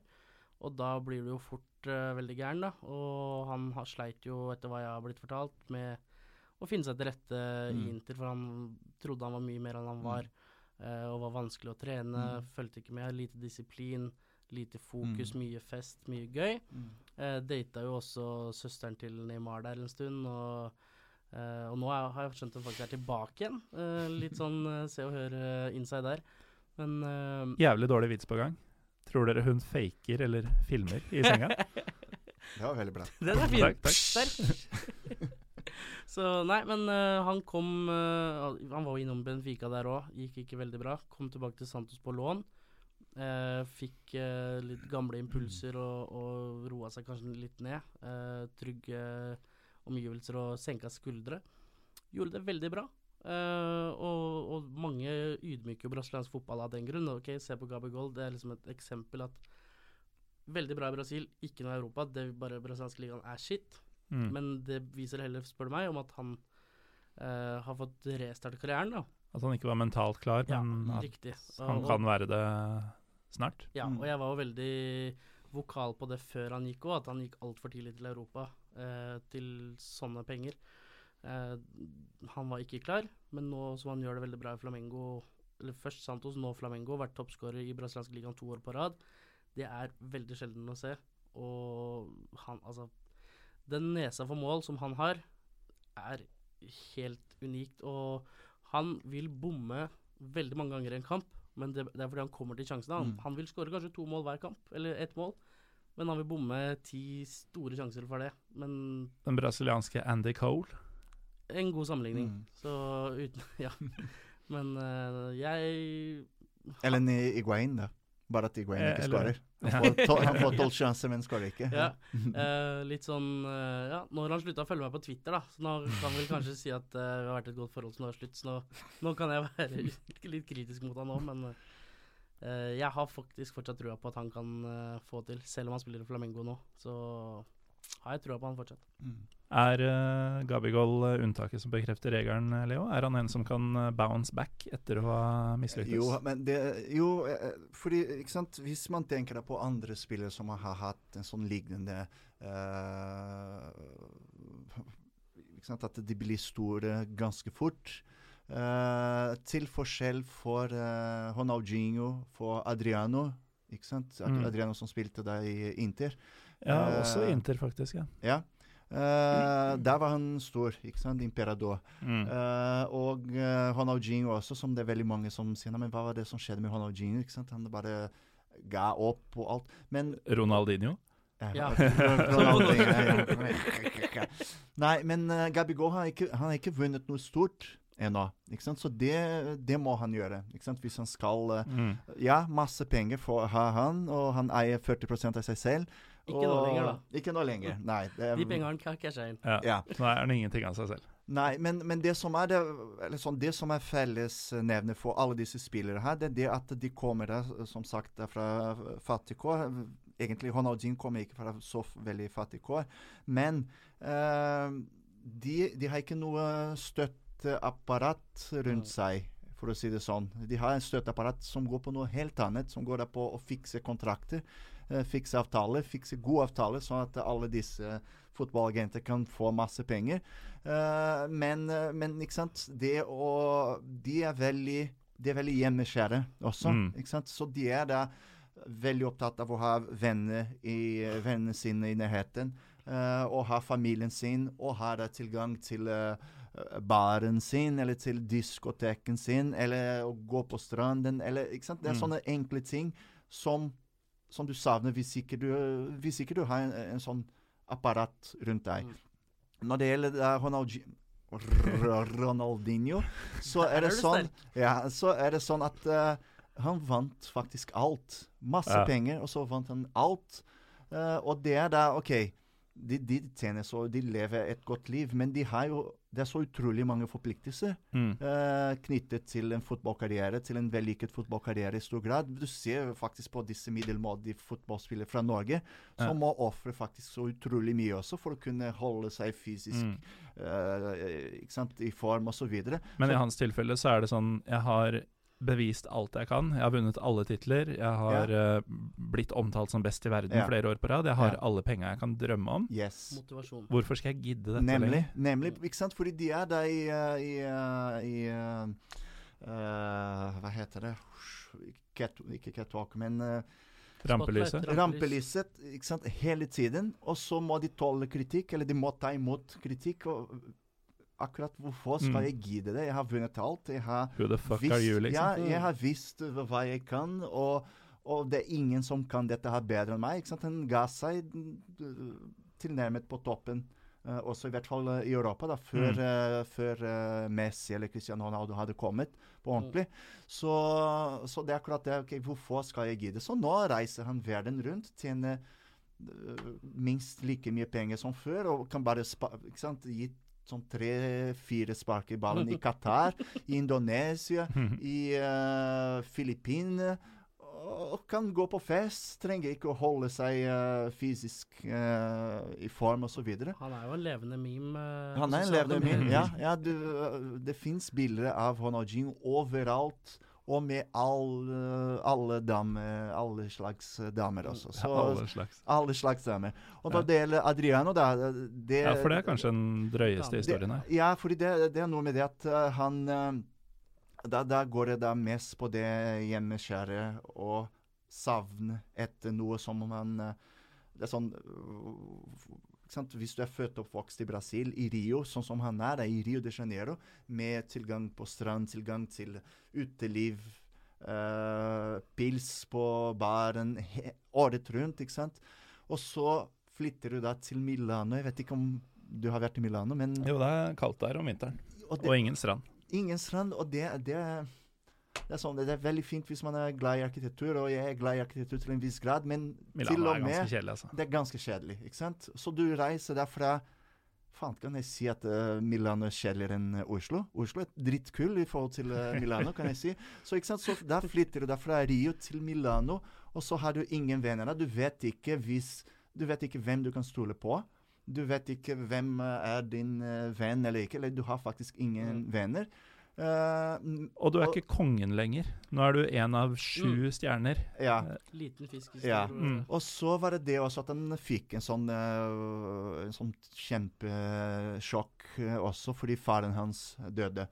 Og det virket uh, som om det var det som bare fucka hele hodet hans. Eh, da reiste han tilbake til, eh, til eh, først til Flamengo, så til uh, Corinthians, eller motsatt. Men tilbake til Brasil i hvert fall. Eh, for å leve det livet som han var fornøyd med. Han tjente masse penger også, men hadde ikke noe, ikke noe god agent. Han, eh, han lever faktisk et godt liv nå, men eh, han bor på favela, der hvor han Mm. kommer fra. Mm. Han blir avbildet med, med våpen og Ja, og, og, og danser med, med venner på bar osv. Så, videre. så han lever da det livet som i hans hode er da det gode livet. Mm. Uh, men selvfølgelig så har han sikkert mm, en del issues som eh, vi ikke vet. Og når man som sagt mangler den, eh, den eh, det apparatet da, ikke sant, som kan uh, veilede deg eller hjelpe deg, støtte deg, da, da blir det vanskelig. Da er det lettere å komme eh, tilbake hjem og være sammen med familie og venner. Det gir jo mening når du sier det på den måten. Før vi avslutter, eh, mine herrer, så har vi jo lovet lytterne litt, eh, litt eh, reisetips. Men før det, skrøner og historier, for dere har vært på deres andel av matcher i Brasil opp igjennom. André, du har jo opplevd både kule og rare og skumle ting, vil jeg tro, med, med Santos. Kan Ja. ikke du trekke fram noe av det du har under Santos-kausen din? Da har jeg tre historier. Uh, først, kul historie. Eh, kommer inn på, på stadion til Santos, Villa Belmiro. Nydelig stadion. Uh, går opp trappen med hvor de uh, ja, mest uh, høylytte fansen sitter. Og så begynner de å synge navnet mitt på kamp. Ah, Noruega! Og jeg, så jeg blir skikkelig rød, men dæven så stas det var. Uh, det ligger en video av det på Instagram Du synger det på stadion? på stadion. Uh, det var dritfett. Eh, det er nok det kuleste. Eh, det rareste, litt sånn søtt òg, men eh, igjen, på Villa Belmiro så er det en, en gammel, gammel dame som er kjent som Santos bestemoren. Og før jeg visste hvem hun var, så bare sto jeg på kamp. Uh, Filma det, la ut på Twitter, husker jeg. Sto der på første rad og sang av full hals og skreik og hoppa og dansa. Jeg tipper hun er 76 år. Mm. Uh, og der står hun og skriker og er mest aktiv på tribunen. Og det er helt nydelig. Det er herlig. Eh, ja, det er så herlig. Uh, verdens herligste dame. Snakket mye med henne etterpå. Uh, og det skumleste, det toucha jeg nok litt innpå i, i den episode 40, var det vel du sa der. Mm. Uh, Usikker om jeg gjorde det, men jeg tror kanskje jeg gjorde det. Uh, vi hadde kjørt i ti timer. Skulle fra Santos til uh, Belo Horizonte, hvor det var Santos mot America Minero. Og på Arena Independencia. Og vi kommer inn i byen, og der ligger Cu- eh, Crucero-fans i bakhold. En rivaliserende eh, For Cruzeiro er også fra Belo Horizonte. Ja, og Santos er jo da fra Sa Paulo, men det er også igjen rivaler, da. Santos og Cruzeiro, Mm. eh, selv om de ikke er fra samme stat. Og de begynte å angripe bussen. Kaste stein og hva nå, jeg vet ikke hva. Og vi må bare ned på Jeg hadde blitt advart på forhånd, og det kunne skje. Og det skjer, og vi bare ligger på gulvet her, og det flyr glasskår, og da var jeg ordentlig redd. Ja. Så, Og da var du vel en svært ung mann også? Ja, det var uh, 22 eller 23 år, tenker Ja. jeg. Så første, nei, andre bortetur der. Hadde kjørt hele natta. Kampen skulle begynne klokka 11 om morgenen. Og veldig trøtt, lite søvn. Gutta hadde drevet med mye hasj og mye alkohol og Ikke du. Nei, jeg var veldig redd fra vi dro. Jeg dro med en engelsk venn av meg, Cameron, som bodde sammen med meg i Santos der, og vi var litt mer ydmyke og litt sånn Hadde litt respekt for hva vi var med på, da. Uh, og det uh, Når man er litt sånn overtrøtt og har vært våken i gud veit hvor mange timer, kommer fram sliten, illeluktende, trang, eh, svett buss, og bare alle Nå må dere ned. Og jeg var dårlig i portugisisk enda òg, så jeg skjønte ikke helt hva som skjedde. Mm. Og, men det kom politi ganske fort, så, så det gikk greit. Men eh, det er jo en veldig skummel historie. Nå vil jeg ikke av, avskrekke, da. Altså, jeg vil ikke skremme noen som hører på, men nå må jeg si at jeg reiste med eh, ganske harde fans. Ja, Så- og, og du hadde blitt advart, og dette er ikke noe du bare forviller deg inn Nei, i som turist. Det, det er riktig. Så hvis du er turist og Ola Nordmann i Brasil vil på kamp, ikke vær redd. Eh, kanskje i, i noen eh, stadioner i Sao Paulo ikke si det fra Ikke si Noruega, for da kan det være noe som kan tenke i mine baner. Uh, for jeg har vært litt ufin mot ganske mange fans der uh, i sosiale medier. Men eh, si det er dansk, da. Sånn jeg gjorde. De, de merker ikke forskjell, Leo? Nei. Nei, de Så- vet ikke hvordan Eller nå med all den praten om regnskogen, så tror jeg det er flere som har hørt om eh, Noruega. Ja, for det all del, Noruega ikke si noe norsk. Ja, da, da er Norge enda mindre populær nå Mm, eh, ja. i disse dagene. Så Norge er rett og slett uh, delvis pga. Uh, André sine herjinger og, Ja, kanskje s- og pga. ja, regnskogdebatten, ja. så er Mm. Norge rett og slett uh, ikke Veldig det mest populær. populære i, i Brasil. Mm. Vi er alle danske. Mm. Ja. ja, men eh, Det er Hva? godt.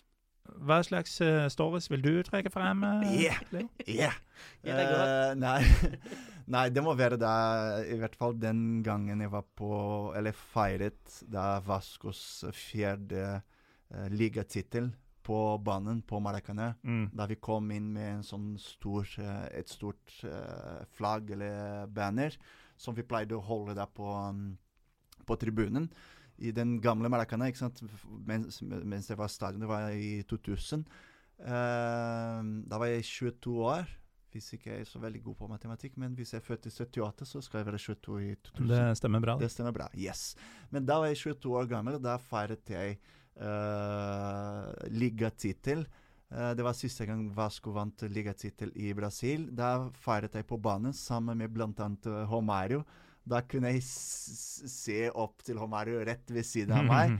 Uh, ta på trof trofeet og så se Det var den eneste gang jeg har vært på banen, på gressmatta til, uh, på, på Maracana, og så se rundt Se rundt over 100 000 uh, mennesker. Ja. Uh, det Bare av å tenke på det Jeg har noen bilder, bare av å tenke på det, så får jeg gåsehud her. Og det var helt fantastisk og unikt. Det var det. Banestorming er en surrealistisk opplevelse? Det er en surrealistisk opplevelse, rett og slett. Det er til gode. Ja, Det kommer. det kommer. Det må du i hvert fall. Ja. Jeg vil bare rette meg sjøl uh, på damefotball. Oh? Avaldsnes. Oh, ja. Avaldsnes, Erik Kinga og Brena heter de. De ble i sin tid trent av Tom Nordli. Så det, det er et sted man ikke har hørt om, men en klubb som tydeligvis har litt midler. Men Tom Nordli og damer Ja, ble trent. Ble trent. Ikke, ikke nå lenger. Um, hvis man skal reise til Brasil, da. mm.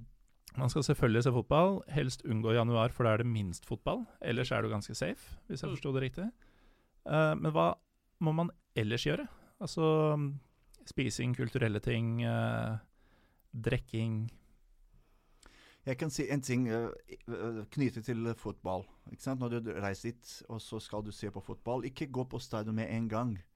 Uh, gå rundt stadion og så finn deg en uh, boteco eller en bar. Mm. Ikke sant? Og drikk litt ja. der og bli kjent med folk. Brasilianere er veldig, veldig sosiale. Det er veldig lett å bli mm. godt kjent med da kommer din fotballopplevelse til å bli mye, mm. mye bedre. Møte opp uh, lenge før kampstart. Mm. Gå gjerne inn på kamp ti minutter etter kampen har starta. Ja. Uh, det er bra liv utenfor stadion. Ja. Uh, restauranter eller bar da, ja, og sang. Kommer spillebussen med noe, gjerne med noe bluss, fans mm. og trommer og sang. Mm. Og det er alltid noen sosiale samlingssteder rundt stadionet. Ja, det er det. det, er det. Og, og, ikke, og ikke, ikke vær redd, uh, som bortsett hvis du sier at du kommer fra Norge, da. Ja. Men, uh, men, men fordi det er, da, det, det er, faktisk et trygt sted å være. Det er ikke sånn at Du kommer ikke til å bli rannet utenfor en fotballstadion. Selv om noen av disse stadionene kan ligge litt sånn uh. Ja. Men uh, der er det Så lenge du er på riktig, riktig side av, av supporterne, så, så, skal du ha en, en uforglemmelig opplevelse også utenfor uh, stadion. For å få inn alle aspekter da, på en gang, når du skal snakke om fotball og alt utenom, dra opp på f.eks. hvis det er på en kamp på Pacaembo, så er det en stor plass utenfor der, Charles Miller, eh, foran fotballmuseet. De som drar dit, de vil se det med en gang. gjerne hvis det er en søndag, fem timer før kamp. Masse grilling, masse alkohol Masse god stemning. Bare møte opp, mm. snakk med folk. Du finner alltid noen som kan engelsk, eller litt engelsk, som kan hjelpe deg. Uh, og jeg regner med at det er det samme på andre arenaer òg. Mm. Hvis det er en søndag, f.eks. Masse mm. grilling. Og Brasil grillmat, det er jo mm. det beste grillmaten som mm. fins. Churrasco. Og bare en ting, det er ingen som uh, vet at Brasil har aldri slått Norge. Nei, det er det ingen som ja. og, og, det vet jo heller ikke vi, for vi er danske. Ja, ja det er ikke vi heller. Tenk deg aldri. Ja, ja, ok. Vet du hva, jeg har møtt noen som har uh, eh, huska det, faktisk. Uh, for jeg drar opp det hver gang jeg møter noen mm. nye. Uh, bare sånn adda badda, fordi det er sånn jeg er. Ja, I Santos kan du være norsk. Ja, ja det går veldig fint. Mm. Men uh, jeg har møtt et par, og så er det alltid Dor André Flå. den Han er kanskje den mest kjente nordmannen i Brasil, vil jeg tro. Mm. Ja. Det er Morten Harket. Ja, ok. Mm. Men de vet ikke han er norsk. Nei, det kan hende. ja. Tror han er dansk. ja. Nei, men andre ting uh, Nei, fordi jeg får ofte spørsmål om det. Nei, jeg skal til Brasil og skal uh, være der så lenge, og hva skal jeg gjøre, osv. Uh, eh, jeg kom fra Rio de Janeiro, så det er litt sånn biased. Men, uh, men man må reise til Rio. Man må oppleve strandlivet i, i Rio.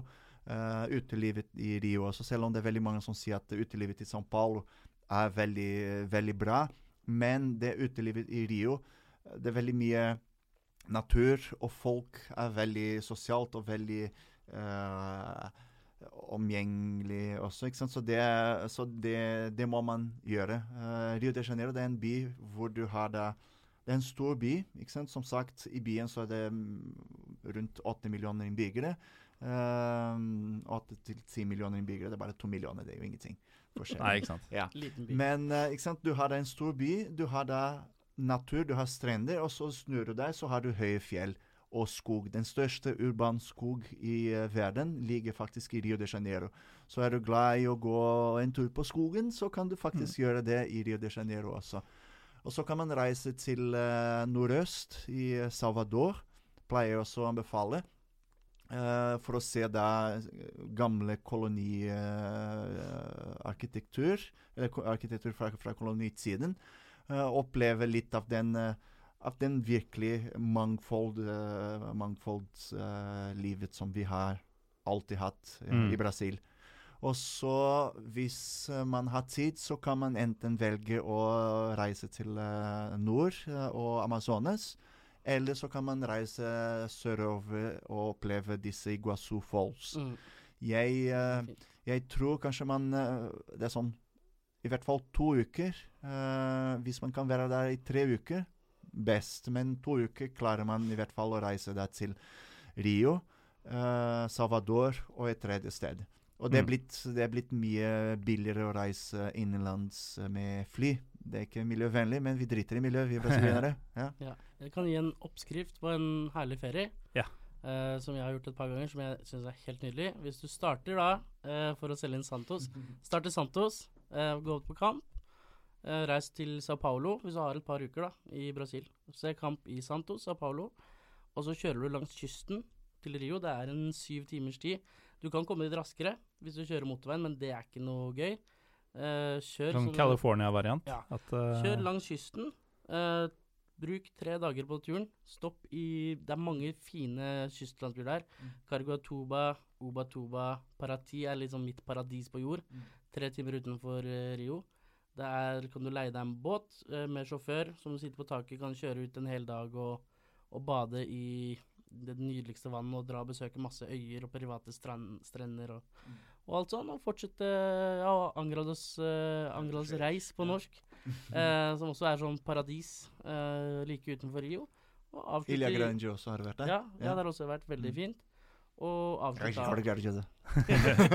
ja, den forsto jeg faktisk. Ja. Den, den store øya, eller? Ja, riktig. Mm. Og, så, og så avslutter du da i, i Rio, kanskje en kamp på Maracana eller eh, Sao Januario eller eh, en av disse andre nydelige stedene som er der. Mm. Eh, bruk en ukes tid på det. Helt nydelig tur. Gjort det tre-fire ganger. Beste jeg kan anbefale Mm. noen. Parati er forresten det beste stedet av alle de stedene. Dit må alle dra. Parati. Parati. Det høres jo nesten ut som paradis. Det er mitt Sånn. eh, lille paradis. Perfekt. Da har vi bikka to timer. Yes. Og vi kunne sikkert snakka snakke mer Brasil, men nå må vi nesten gi oss. Det Mm. kommer en dag i morgen også.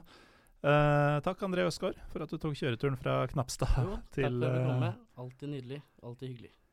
Uh, Og takk, Leodoria, for at du eh, løp fra fotballkampen din Mm. eh, for å ta en øl med oss og fortelle dele av din rike kunnskap om brasiliansk fotball og brasiliansk eh, samfunn. Takk selv. Uh, og jeg heter Morten Galaasen. Følg oss gjerne på um, PyroPivopod på Twitter og Instagram. Førstkommende fredag, den 13., så er vi i Bergen, på biblioteket, fra klokka sju, sammen med fotballagent og bajas Knut Høybråten. Så er du fra eller fra rundt Bergen, så kom gjerne og ta en pivo med oss. Eh, neste uke så kommer det mange av dere har lengta etter. Da er det Europa League preview.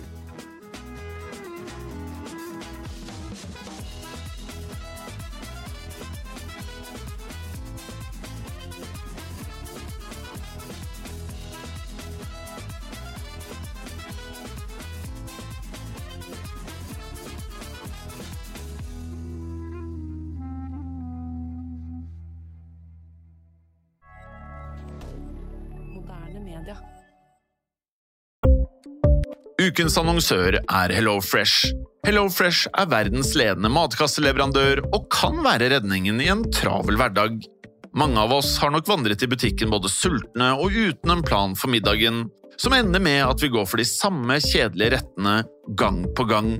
Middag burde være dagens høydepunkt. Som HelloFresh kan du nå velge mellom 25 ulike retter hver eneste uke, eller få HelloFresh til å sette sammen menyen for deg. Dette gir deg muligheten til å prøve nye og spennende retter alene eller sammen med familien. Du velger antall porsjoner og får alt levert på døren på et tidspunkt som passer for deg. Oppskriftene er enkle, og maten er lett å lage både for store og for små. Ved å få alt levert hjem får du også mer tid til å dele matgleden med familie og venner. Kanskje det frister med asiatiske tacos eller greskinspirert kylling? Da kan jeg anbefale deg om å gå inn på hellofresh.no. Her kan du bruke koden FOTBALL og få opptil 1779 kroner i rabatt på de første fem matkastene hvis du ikke har prøvd HelloFresh tidligere. Du kan også bruke rabatten hvis du har vært kunde og stoppet abonnementet ditt for tolv måneder siden eller lengre. Gå inn på hellofresh.no og bruk koden FOTBALL. Har du et enkeltpersonforetak eller en liten bedrift? Da er du sikkert lei av å høre meg snakke om hvor enkelt det er med kvitteringer og bilag i fiken, så vi eh, gir oss her, vi. Fordi vi liker enkelt. Fiken superenkelt regnskap.